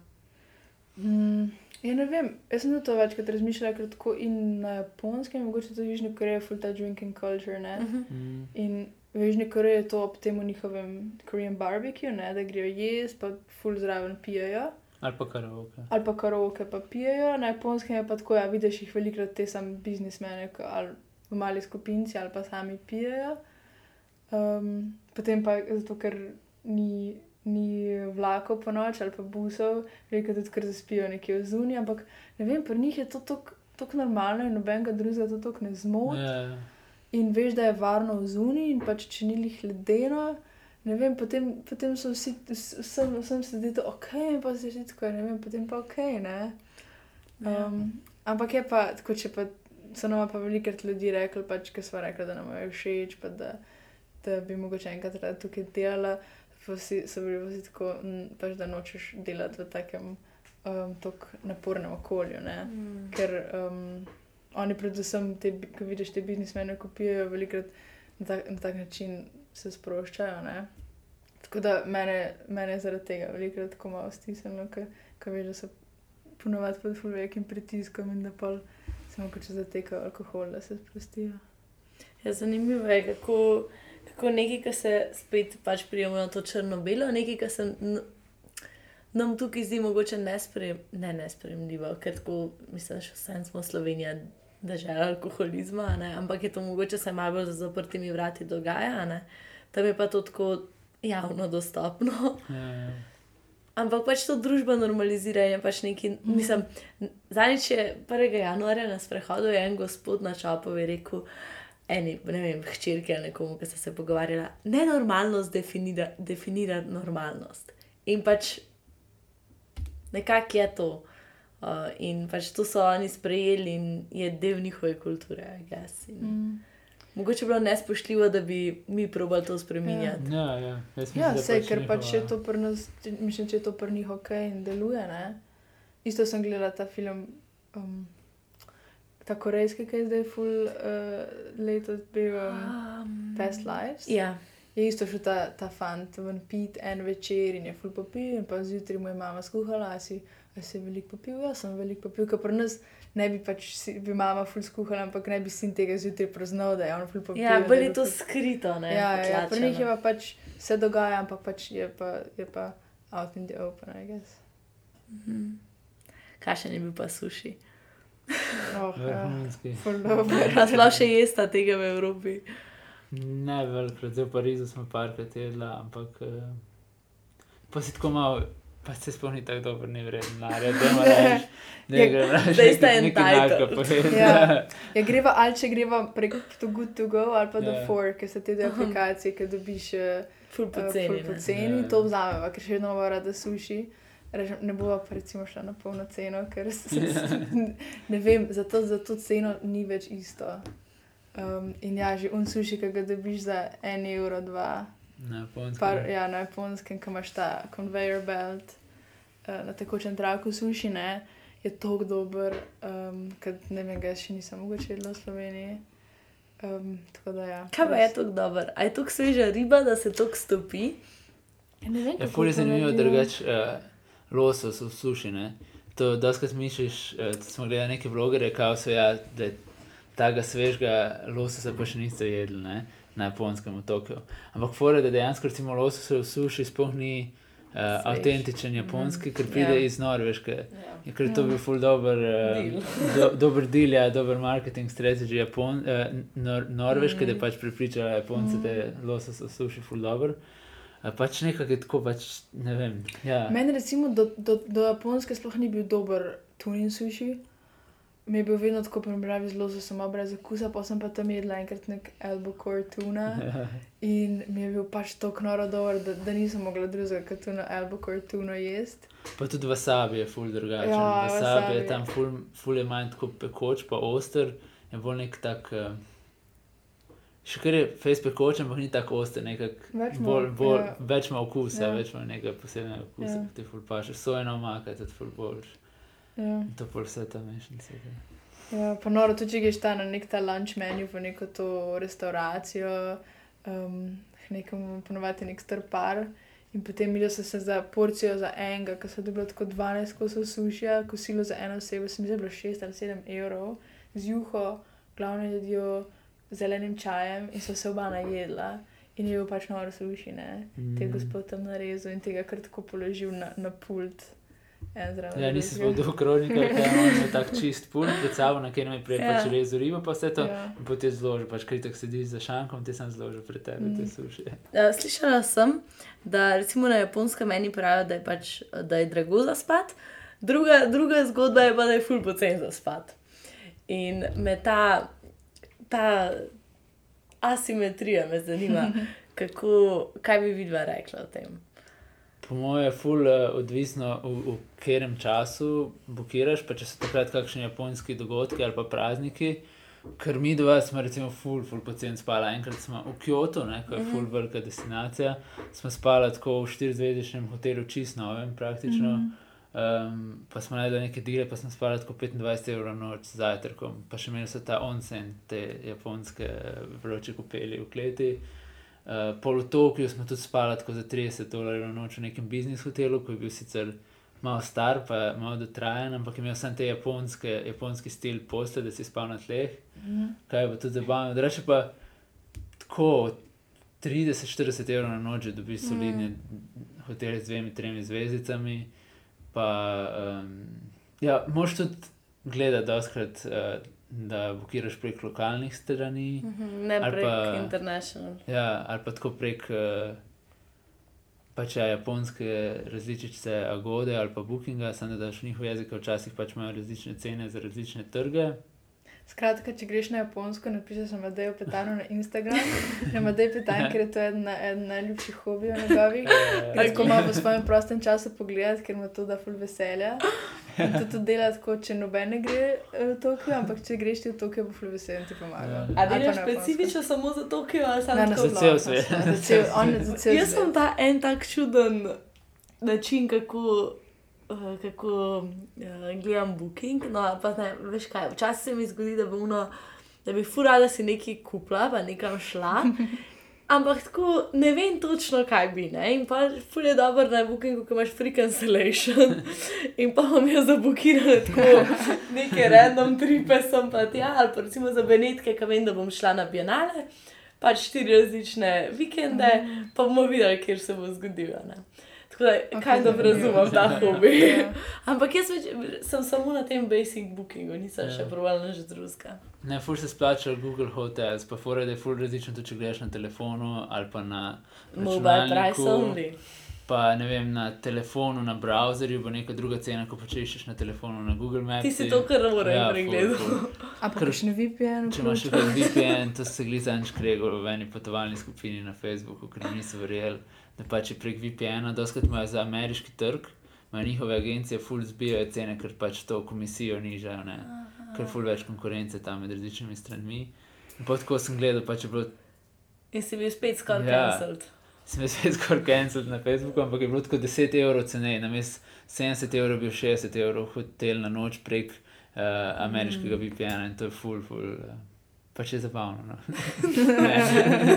Vsak ima svoj način Ja. zabave. Ampak sem tudi delal v eni turistični, spletni turistični agenciji nekaj časa, tako da vem, da pač imajo spletne strani, pa tudi namestitve imajo za različne trge, včasih različne. Ja, se cenike. make sense. Ja, Ja, ja. pač to je tako kot e-commerce ali Ja, ja, kjer ja, koli ja. druga trgovina, pač moraš imeti drugačne vzvode.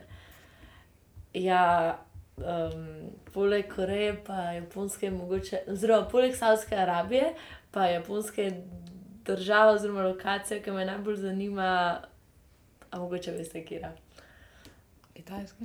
Tajvan. A, Tajvan. halo, to veš Tajvan, ja, ampak. Tajvan, ker je pač.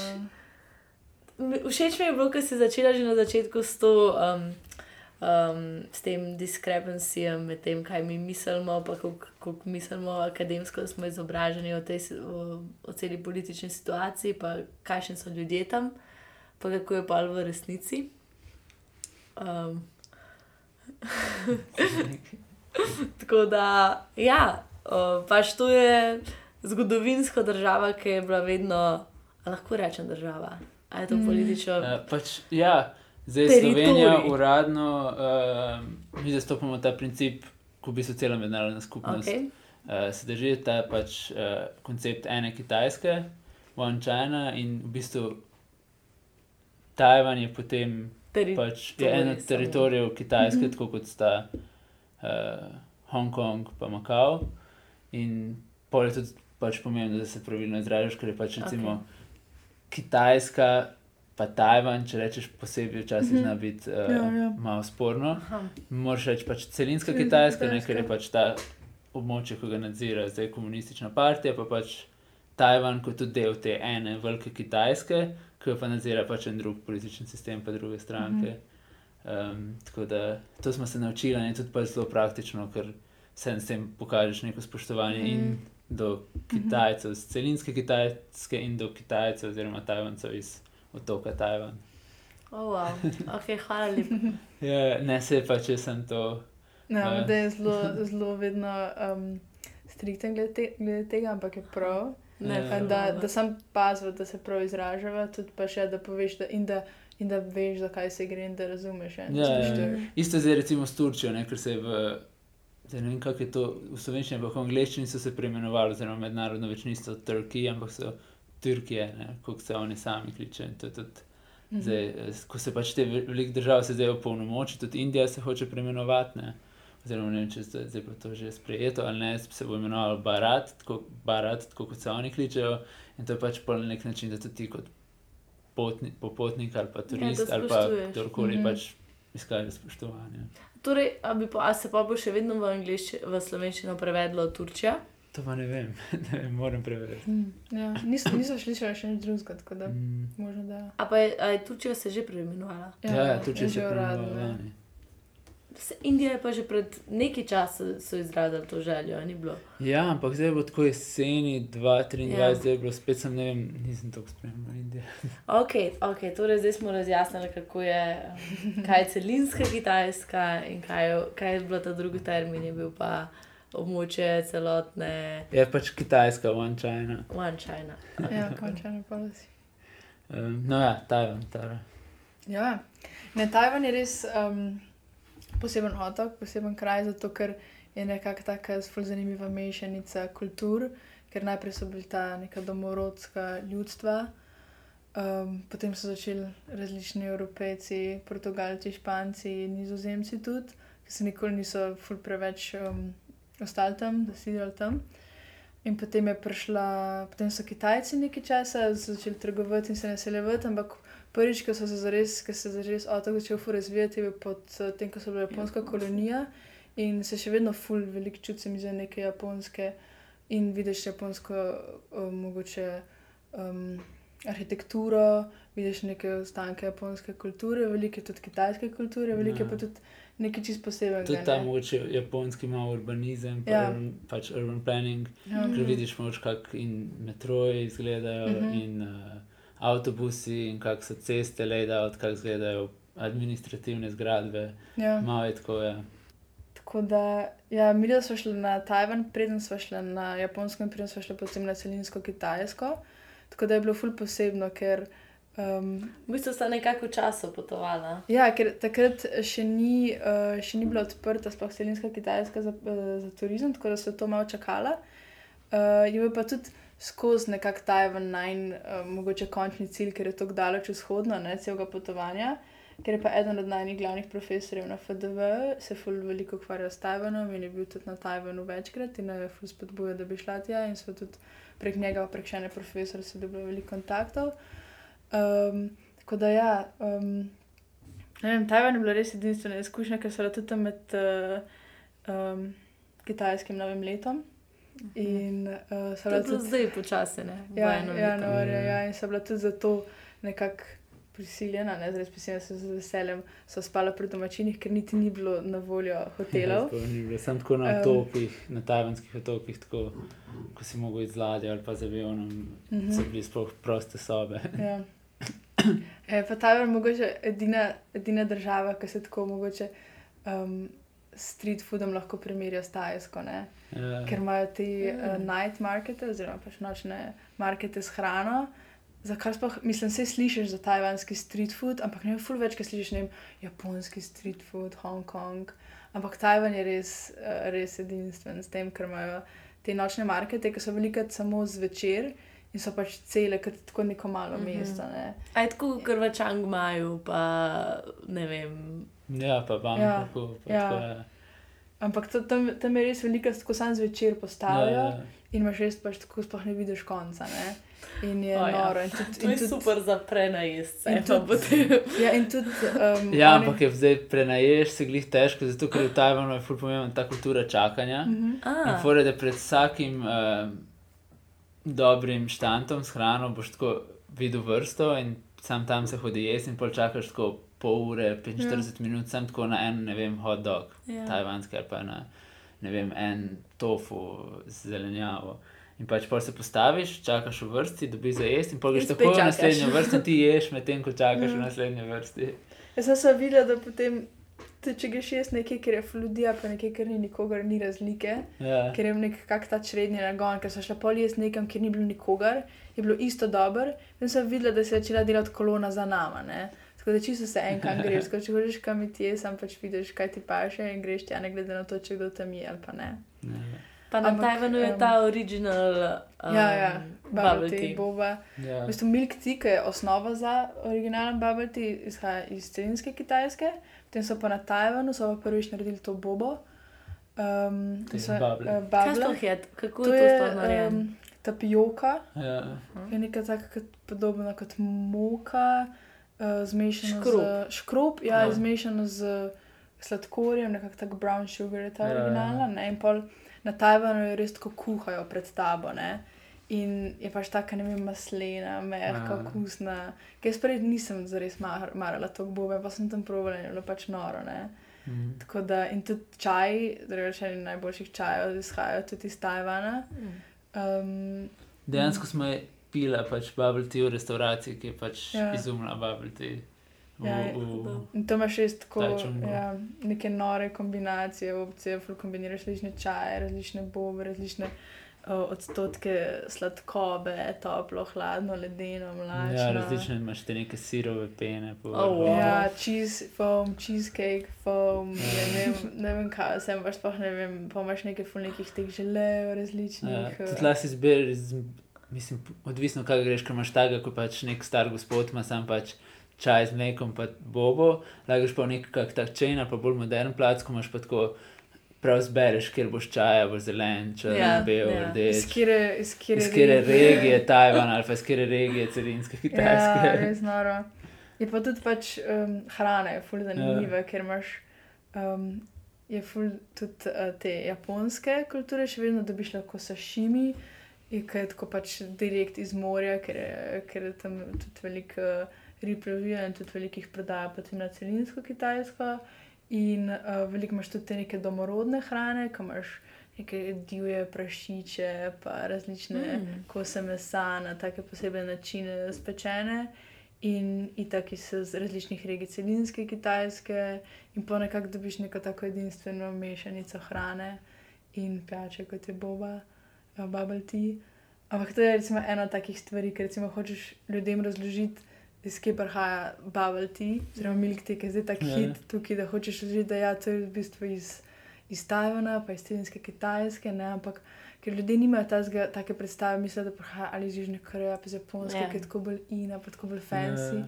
Ampak dejansko Um. tak bubble tea, ko ga pa poznamo pri nas, ko je toliko teh različnih Ja. okusov, pa nekih trendov, mm -hmm. pa Mhm. vse to, to je pa bolj tako, kot, kot smo videli na celinski, mm. -hmm. kitajski, celinski kitajski, ker tam imaš pa res toliko nekih Ja. variacij, pa toliko chainov za bubble tea, pa toliko različnih sam bublov. Imaš, vem, en bubble je bil tako, ko je bil tako nek čist, čist tako miniaturen, res tako Mhm. miniaturen, kot recimo popr Ja. kot zrno popra. In je bil tako z grenivko, in pol noter si imel v tem čist miniaturnem, si imel še tako sok grenivke, pa je bil pa čaj, ko je bil isto mešan z neko grenivko, in pa si imel še tako to um, pulp, ne kako se reče, Ja, to gosto ja. od, od, od grenivke Ja. spodaj. Fuh, nisi mogel verjeti, kaj okušaš. Ti In si potem- ful gurmanka. ne? Ja, Smo ja, oba. sva oba. A, Ampak okej. mogoče jaz grem včasih še malo v ekstreme, Ja. da je Madeju. Grem že malo žica Madeju. Kaj še so to Ja. ekstremi? Ja, ne vem, da pač si naredim ful izčrpen seznam, kaj vse moram jaz probati v teh zadnjih petih dneh, preden gremo iz Japonske in potem težim pač, ja, da jaz razumem, da si lačen, da ti to paše, ampak jaz sem danes na seznamu tri stvari, ki jih moram probati in pa tako. A pa pač probava nekaj ful dobrega in pa hočemo, da je spet to jesti. Ampak Ja. yeah. tako pač ne. Ne daj- dvakrat Ne bo, pač ne morava, ker imamo še toliko stvari za Ja, probo, da ja, to ne ja. gre v najn schedule. Pa je tako, ok, tara pač drži mir. bo- Lahko se bomo nekaj Ja, dobrega. to je zmeri strah, spomnili. ali, bom spet, ali bi spet nekaj jedla, kaj je bilo dobro, ali bi nekaj novega probala. Ja. Ja. Moraš balance. Ali pa se ti zgodi, da, te, da ti nečesa nočeš probati, Ja. ker se ti zdi, da to ne res ne bo dobro. Čeprav je res, res si odprt. Imaš kakšen primer? Mm, Ja, te uh, v 7-Elevenih, pa to v convenience storih Jajca. na japonskem, nasploh pač meni so vse te stvari, ki so tako zapakirane in ti imaš tako, ne vem, ja, jajca, ampak sploh ni v hladilniku, ne Na pač kuhanje polici jajc je. na polici. ali pa ne vem, nek turin sendvič z police. Ja, Madej ni hotel probati. A Ampak ti si potem ga sem jaz to- hotela? Jaz sem šla in sem kupila. tako za en teden na In sem Pa kupila- si eh, kupila z namenom, pač si Ja. vedela, da Ja, hočeš in sem to šla na, do, do te police in sem kupila pač Pač ta sendvič s hrenovko in sladko majonezo in spol nek drug sendvič s tuno in jajcem. In je pa Madej že tako malo jezen name, zakaj zapravljam, pač, ker še vedno, če potuješ 10 mesecev, ne boš kupoval stvari, ki se ti zdijo pač neokusne. In pa sem rekla, lepa še, Madej, jaz to hočem probati. In bolj probava. In na Madeju se tako se spremenil sveta, Ja, zadnji ja. na japonskem, in potem vsak dan je on mogel to jesti. ne. In, in pač to, ki sem vam pač tako told you so. Ja. Včasih moraš probati kaj, ki ne zgleda dobro. Ja, Ja. to recimo Ampak včasih pa tudi to pomeni, da se še jaz malo zagovarjam, da ta rad tako ne bo jedla več cel dan, zato ker je pač ta restauracija, kjer ona hoče provati tako na polovici mesta Ja, in poje ja. jezne in vse to in pa včasih je poles prisil, tara moraš jesti. moraš Hangry. piti, Moraš se, moraš Ja, ja. tako protein, vi- vitamins. Res je, res je. Ej, um, zdaj ne morem, del mene je čisto prepričan, da imam prav, ampak del mene je pa tudi ni prepričan. Ampak a je ful močna viski industrija v Tajvanu, na Tajvanu? Jaz sem slišal, mislim, jaz mi Ne vem, nismo tako velika pivca. Ja. Mene bo to samo tako, bom pogubljala. Mene bo to tako politično, mislim, ne politično, ampak tako geografsko me je šokiralo. Um, ker nisem mogla. Edina verjeti. stvar, ki je najbolj šokirala, je, ko smo bila na Tajvanu in, eh, na Tajvanu in smo videla trgovino samo tako s hrvaškim, Srbskim. s srbskim vinom, s Ja, ful ja. srpskega vina, tako v neki mali vasi. A pa je bil srb prodajalec? Ne, Ne, ne, ne, ne. ne, Tajvanci so bili Tajvanci vsi. Ja. bili. Ha, ja, pa je najboljši viski na svetu. Wow. No, da je to vsak reče. Ampak, ja. To pa sploh Ja, bolj smo na, na japonskem, smo ful pila teh sa, Aha. sake. Ja. Kaj je saka, če bi tako Sake. mogli razložiti? Ker to je pač neko žganje. Ne? Riževo žganje. Riževo vino. Ki ga pa ne. lahko v Ljubljani kupaš, a mogoče veste. Jaz sem probala tri trgovine. And it didn't work. Res, ker sem mislila, da je to ful bolj pogosto kot je. Jaz tudi. Svilna pot, Mhm. trgovina. Ja. Ja, to, Rabila bi eno komeršal, ker Ja. zdaj je bilo uro od 15 do 9. ja, mi da smo imeli srečo, ker smo um, Prek prek couch- couchsurfinga spala pri eni družini v Hirošimi. Okay. Uh, so videla, da imajo ramen Ja, restauracijo. ima najboljšo, mi najstarejšo in- ramen Ja, in mi restauracijo da smo v šla tja Hirošimi. in sploh nismo vedela, da je to kaj konik in prideva po celem dnevu, a smo štopala, ne? Ja, Tja ja, in je v unraven, da pa tako, o moj bog, pač ta ramen je fenomenalen, in sploh še nista vedela, da je to Ja, tukaj in konik. potem-? Ja. Oh, Potem greva na Google Maps in tako the most iconic ramen restaurant in Hirošima. In potem je, ta, je bila to cela družina, ne, itak, ker je to ponovadi family business. In je ta mama cel dan tam kuhala ta broth, in ta sin, ki naj jo je sprejel, je bil pa sake master in training.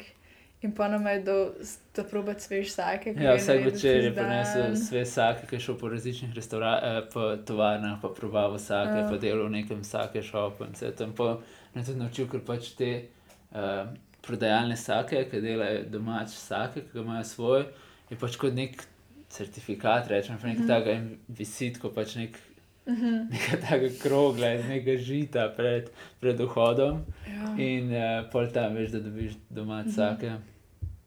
2 evrov, ful dober. Uh mhm. -huh. Pa še so, soju. Soju. Soju, ja. To je pa pila. tudi na Ukraji, ne? Tudi v Koreji, ja, ampak je tudi taka. Ja. To je podobno kot sake, ne? Podobno kot ja. sake, ja. Mm. Vsak je tako riževo vino, ne? Mm -hmm. Sam ima, mislim, da ima malo več alkohola. Malo še več. Ja. ja. Ampak niti malo ni primerljivo z našimi žganimi pijačami. Mm. Mm. Po procentih alkohola. Ne.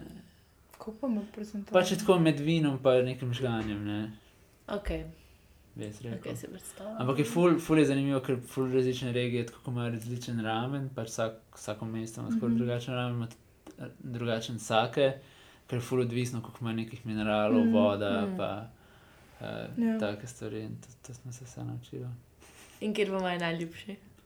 Ja, ful je bil dober v takajami, ne. Mhm. Eh, Ko so bili v japonskih Alpah, um, je bilo skratka ful teh nekih lokalnih uh, sake um, brewery, ne vem kako se bi reklo po slovensko.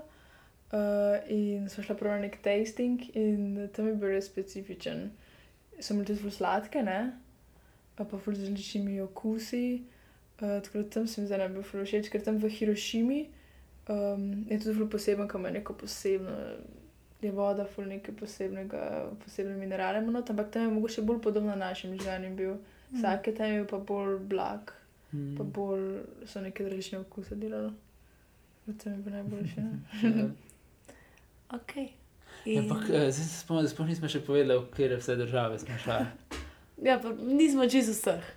Ja, pa že rekli smo Irak, ja, rekli smo Turčijo, rekli smo Saudsko, pol smo spustili Šrilanko, Malezijo, ja. šli. Singapur, ko- Aha, tega isto nismo, Vietnam, tega tudi nismo. Pa še celinska Kitajska. pa še celinska Kitajska, pa še Hongkong. Teritorij. teritoriju. No, kakšno pravilno izražanje. odlično. Mhm. Kot da bi to študirala.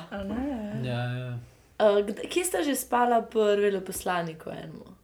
Na danskem veleposlaništvu. Ne, švedske, Švedske. Švedska, Vietnamu. Um, v Hanoju, je to pa tudi zaradi, za, ne zaradi štopanja, zaradi nabusa. na Busu, spoznala.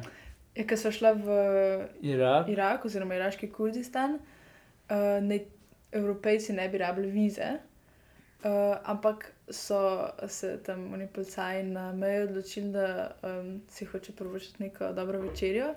in so od vseh treh evropejcev na avtobusu hotel 75 dolarjev. Ja, Najprej 75 77. 70 dolarjev, potem se je čez nekaj 77, časa ja. znižal to na 75, 70, kako koli. Ja. In edini drugi evropejec, ki je bil na avtobusu, se je začel fuljeziti in so takoj videli, da je isti edin v, eh, še edina oseba v teh težavah. In Tudi uh, edin zahodnjak na celem meji. zahodnjak, Pač. ja. Več sto ljudi, samo en zahodnjak, poleg znajo. In pa smo se tam spoprijateljili že takoj, in um, on se je sfuljezil, ker ima tudi diplomatski pasport. Je rekel, da pozna um, konzula v Ja. ja. Erbilu, ampak oni niso popustili, skratka smo plačali potem v evrih, so sploh sprejeli evre. Oh, wow. um, Um, smo šli skupaj neki pojest na meji ne? in um, je povedal nam, da je. To nam drugače, sploh ni tam um, povedal. Sam, pol smo se še Rekel, rekel, enkrat da je švedske, ne? Ja, pa ja. vedel- zvedela so njegovo ime. Nismo ne? zvedeli, nič nismo zvedeli. Niti kontakta nismo dobili. mislim, da sem že, no, se vse Ne, eno. ne, Ker ne, potem mi smo nismo ga. dobili um, niti kontakta, niti nič.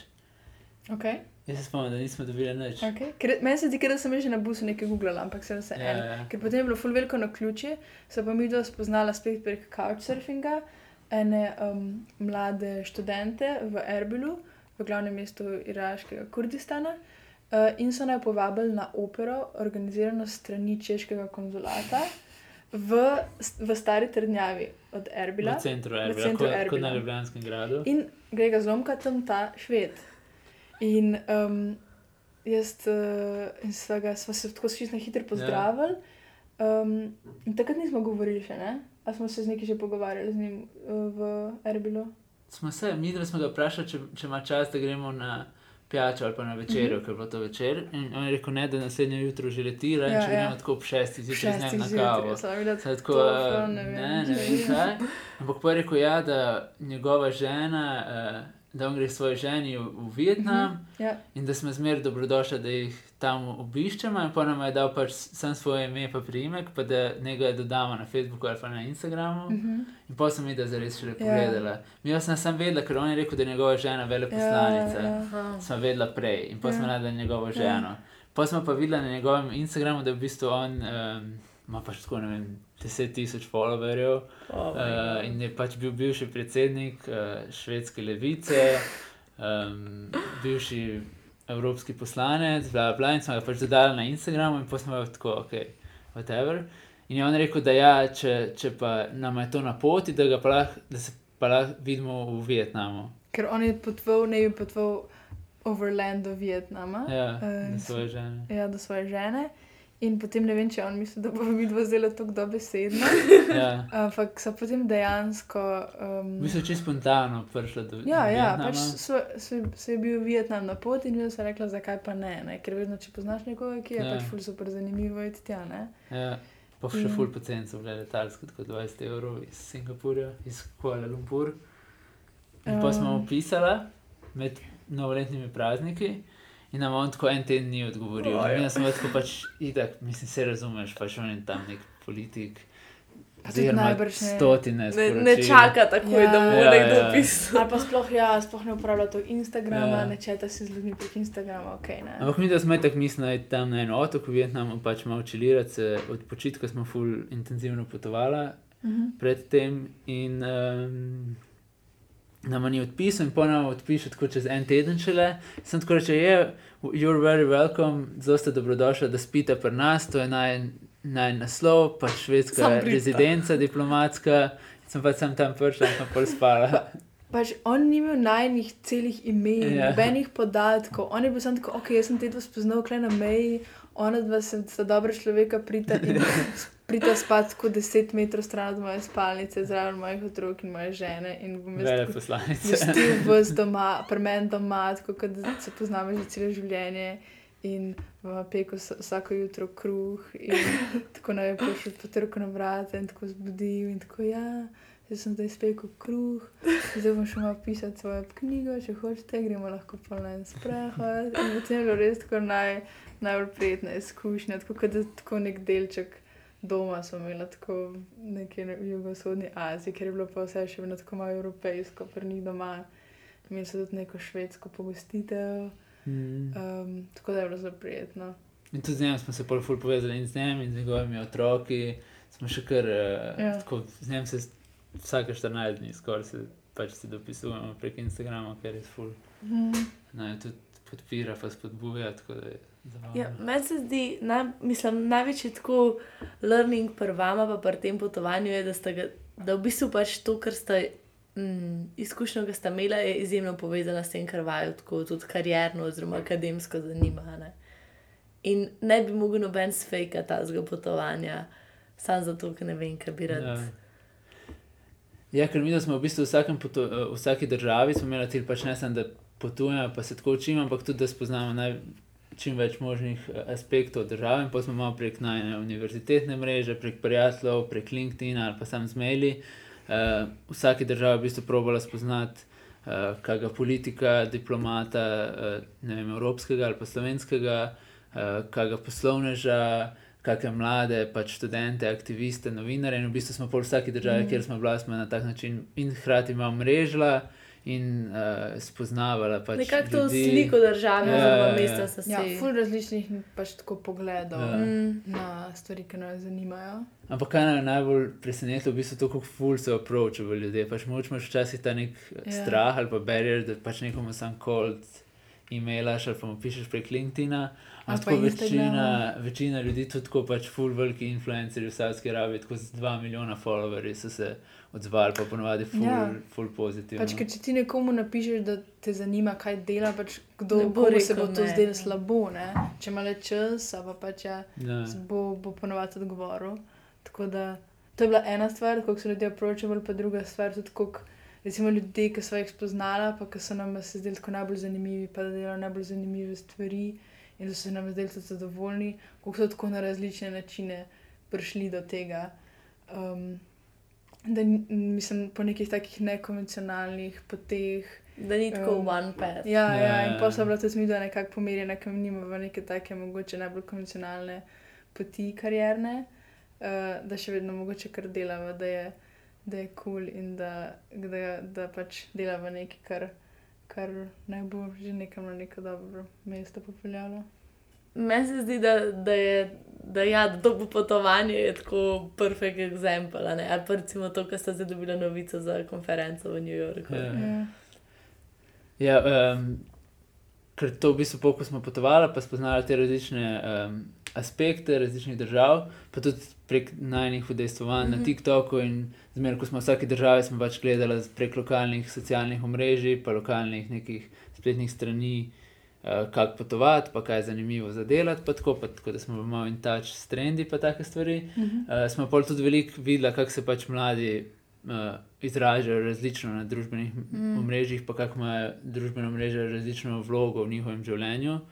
Um, in mogoče tudi, kako je to pol povezano z, tako s, z njihovim političnim angažmajem. Mm. In smo, pol, smo se prijavili še z enim kolegom TDM na eno konferenco, prvo v Gentu, pa zdaj še smo bili sprejeti na eno konferenco v New Yorku, na City University New York. Uh, in v bistvu smo pripravili tak research project, kjer v bistvu tako primerjamo po različnih državah, kjer smo mi dopotovali, pa kjer nam je bilo to najbolj um, impresivno, Mhm. um, kako se pač mladi izražajo na spletu, tako kot neko ločen, ločen nek ekosistem, ne kako pač je to povezano z njihovim dnevnim življenjem, pa samo tako pač pogledaš, kaj delajo na internetu. In v mogoče bistvu to- čist op, op, z vidika opazovanja. Ja, ja, ja. Okay. In kakšne so bili kaj zaključki? Ali Pa, ja, kako ste se sploh lotili? A ste imeli, a ste imeli kakšno primarno raziskovalno metodo, se pravi, kakšnih. Uh, Mm, pač nismo ne, ful je bilo pač teh najnih osebnih izkušenj, mm -hmm. Pol uh, tudi z našimi znanimi kolegi, pa tako pač s temi različnimi ljudmi, ko smo jih spoznali, in profesionals, in akademiks, in vse to, smo naredili kratke intervjuje, mm. uh, pol naknadno, ko smo že imeli pač to idejo o tem projektu. Um, pa sem jaz tudi veliko iskal uh, akademske vire v lokalnih jezikih, ker uh, mednarodnih virov, nekih takih primerjalnih, pa tako ni bilo kaj veliko. Ponovadi, tako, če gledaš, kaj mladi delajo na social medije, ne vem, in Singapur, boš videl nek bolj tako biznis uh, aspekt, ker pač uh, kakšni trendi so popularni, pač zato, da ti delaš branding laže, ni pa tako nekega bolj kakega sociološkega mm. ali pa ne vem, antropološkega, kako bi se reklo, Mhm. pristopa. tako da to, pa še kaj, pa pač tako malo statistične podatke.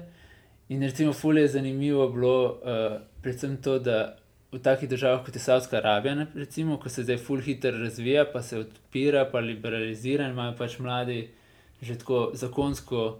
Um, Dodeljene pač neke človekove pravice. Bolj odprti so. Bo, ja, pač zakonsko, recimo, da lahko ženske in moški skupaj eh, hodijo, da ženske ne rabijo imeti tega eh, varuha, ko hodijo zunaj, da se lahko skupaj jedo v restavracijah, da lahko mm. grejo v kino, da lahko grejo na zmenke, ne vem kaj.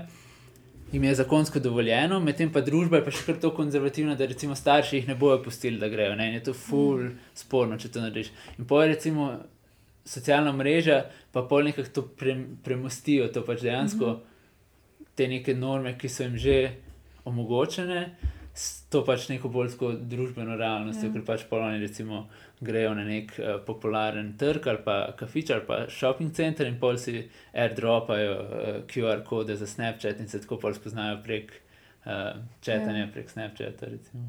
Da lahko v bistvu flirtajo brez da da to pokažejo na zunaj. Kako zanimivo. Ja.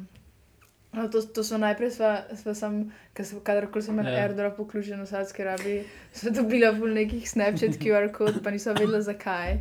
Po enkrat so vprašala in je bil tako um, en ja. uh, kolega, tako ja, pač za to. Ki ste bila nekomu všeč. Ja. Nek Tinder varianta, sam ja. Ja. airdrop. Ja. Dajte uh, še malo več, da je študij povedal, če lahko če želite še kakšno tako ugotovitev ali pa sklep. Ja. Learning. Mm, v bistvu smo se. Uh, fu, um, Zanimivo je tudi Instagram.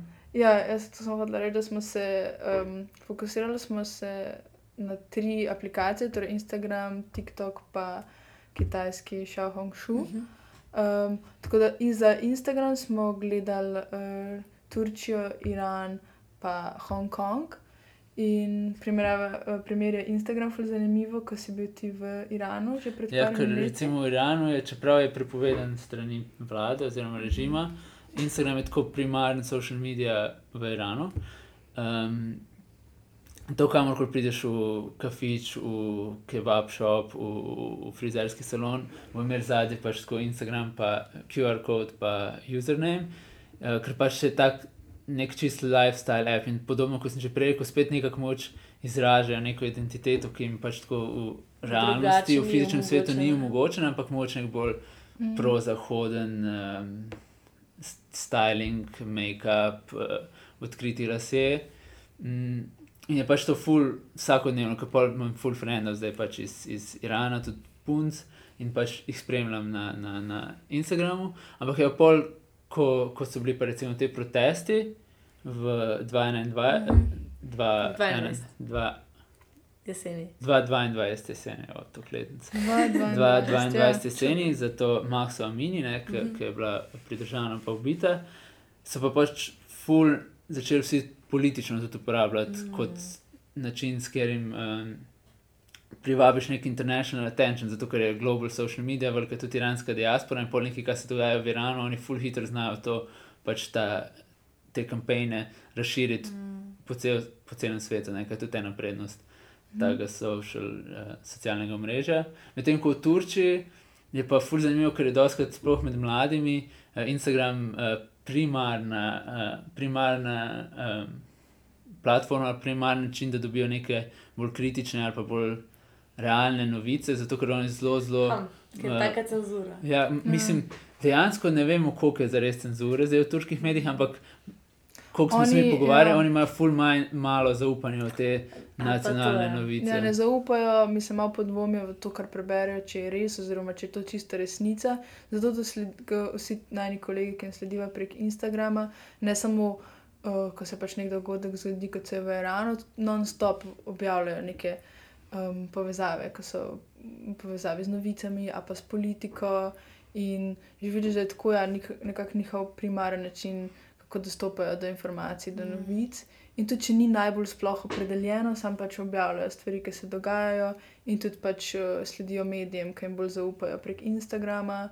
Um, A to so večinoma Al Jazeera. Ja, ali so kakšni zahodni, Uh, ali pa pač te kakšne njihove podcasterje, influencerje, Ja. Tudi uh, ki živijo mogoče v tujini in pač pol so pol odprti, da govorijo. Ker pač se zdaj spremenja uh, ta uh, zakonski, uh, mislim, pravno okolje ne, v, Ja. v, v, v Hongkongu um, v povezavi s celinsko Kitajsko. In se je začelo full medijev samo cenzurirati, ne, recimo South China Morning Post. Um, ker pač ne vejo točno, kaj, kaj je zdaj dovoljeno, pa kaj ni pri pr, um, poročanju novic, in pa se mediji sami samo cenzurirajo, vse tako pač smo mi dva od, uh, ugotovila, pa prebrala.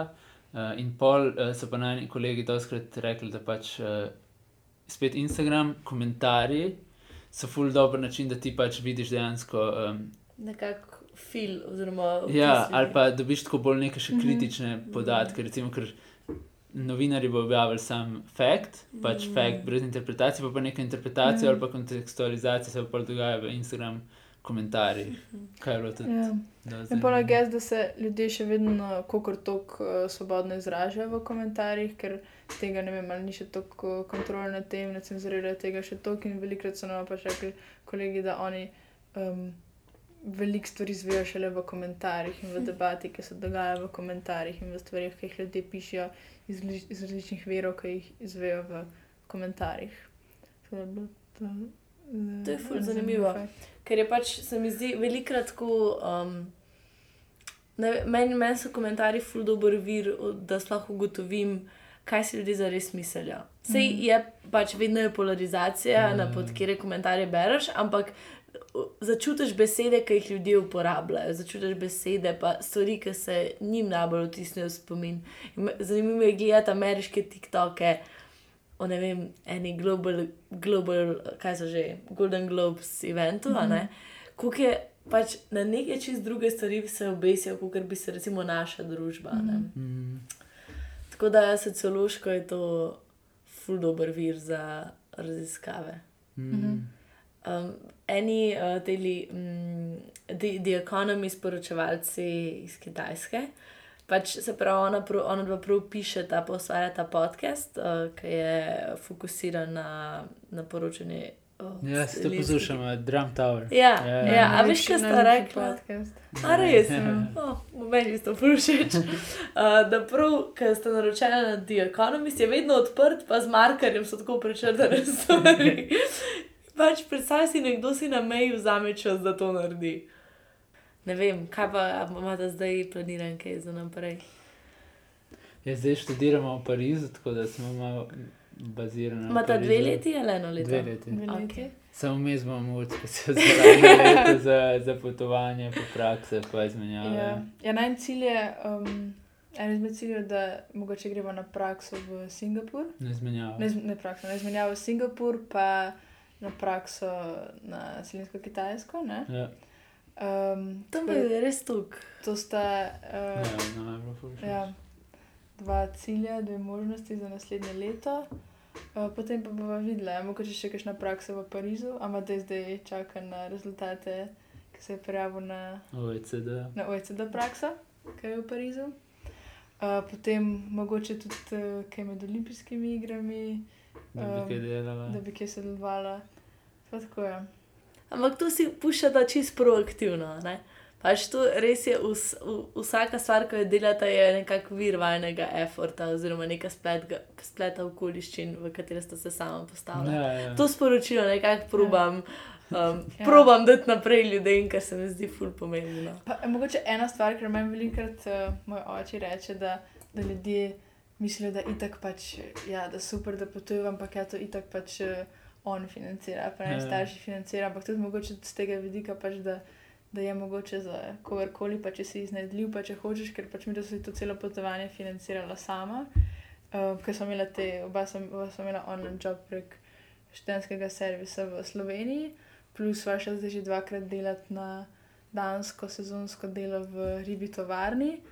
Um, Tako da ja, um, tudi z finančnega vidika je, je mogoče in Ja, ja, Ja, pa na štipendije ste se prijavljala. Ja. Ja, pa štip, OECD, štip, ne, OECD, um, UNESCO štipendijo sva dubla za sicer en mesec potovanja, Mm. ampak tudi to je neki, pa za študij v Parizu itak štipendija, tako da ja. Ja. Kaj pa danska tale ribja tovarna? To sta fulna hard delala tiste tri mesece, koliko časa sta bila. Ja, en mesec. Aha, ok. Eh, Dvakrat po en mesec. Ja, ampak dejansko delaš tako 10-11 dni, večinoma čakaš samo, koliko bo rib ulovil, ribiči in pol ti tako pač javijo ob 11. zvečer ali pa ob 6. zvečer. Um, tako ja, ujeli smo ne vem 500 ton rib, jutro ob 5. morate biti v tovarni. In kaj pa režeš glave? Ne, um, ter, Ne, se to, večinoma je vse um, mehanizirano. Aha. Um, punce, pa fante, v bistvu je pač tako segregirano, glede na spol. Um, Wow. ampak ja, punce smo tako mal uh, podaljšek um, mašine. In ti sam tako popraviš tega, kar mašina ne naredi dobro, sicer stojiš ob uh, tekočem traku in ribe, ki niso prav postavljene na tekoči trak, jih obračaš, a pa če se jih pač preveč izsuje, jih sam tako stran pošiljaš. In sam stojiš in ob tej mašini cel dan in upaš, da se ti ne zmeša. Um, Fantje pa razvažamo, ker pa se te ribe razsortirajo, ko jim zrežejo ven škrge, pa po različnih velikostih in pol te škafe eh, razvažamo v druge hale, pa da jim čistimo ribe, ko padejo na tla, kar je včasih full velik in moš tako v desetih minutah, ne vem, 150 kg rib zmetati v smeti. Uh, mislim, v smeti je vse je full sustainable, da tudi te pač odpadne ribe, ki so grejo pol za ribjo Mhm. hrano ali pa za, za živalsko hrano ali pa kaj takega. Um, ja, pa hkrati tudi če neke ribe sortiramo. Tako da je kar, mislim, tako je zanimivo. Ker pol tako, ko delaš, ko je sezona, ko pride ta pač teh deset dni, ko ribe so, ker ti si tam, moraš en mesec biti tam in čakati, da je ta Ja. pride ta glavna sezona. In pa ko pride, ti delaš, si več v tovarni kot doma, ne? ti Mhm. delaš po. Od 8, pa največ smo delali 16 ur, pa živiš ne vem kako uro stran od, od tovarne, in pol pač dejansko ob 5 zjutraj si v tovarni, in si do enkrat smo bili do 11 zvečer mm, v tovarni, in pa smo prišli domov in smo šli spat in spet nazaj v tovarno. Ampak je tudi ful zanimivo, ker pol vidiš v takih situacijah, koliko je dejansko tvoje telo sposobno. Pa koliko tudi včasih meni to največ, ker sem večino svojega life, vse študentski jobi so bili zmeri tako office na kompjutorju. In pa sem bil zmeri, sem imel težave z glavoboli, pa vse to, to, ko sem pa delal fizično. Je pa tako, pač, ko končaš delo, domov si fraj in nimaš nobenih obremenitev, nisi nič, tako mentalno se pač lahko se pogovarjaš, lahko se Ja, smejiš, ja. lahko delaš vse. In to mi je bilo res super. Ja, pa moram reči, tako še tudi iz politološkega vidika, ne, pač ful zanimivo tako izkusiti to neko dinamiko dela v tovarni, tako enkrat v življenju. In ja, pač kako to vse deluje, pač kakšna organizacija je, tako je to in tudi te neke odnosi med delavci in hierarhija. To je, to je bilo meni ful zanimivo, obakrat, ko smo bili tam. Kdo pa so večinoma delavci v takih kovarnah? Ja, um, ja, tako umazano delo, kot ga delamo mi, je bolj um, prihranjeno za um, Sezonske delavce. sezonske delavce. Iz vzhodne Evrope. iz južne pa vzhodne Evrope. Um, mi smo bili večinoma, mi smo bili Slovenci, potem so pa še Romuni, um, ki pridejo, ko oni tudi so imeli te um, take pogodbe, da v bistvu jih pokličejo v različne tovarne, ko jih rabijo, uh, mm. kar je Mm. pač med sezonami. Um, ostali so pa pač danci. Ne? Ja. ja, pač mogoče bi se komu zdelo to izkoriščanje, ne vem. Ampak večino so vsi ljudje full happy, ki tam Ja. delajo in večino vsi ljudje hoče samo ta en mesec čim več delati.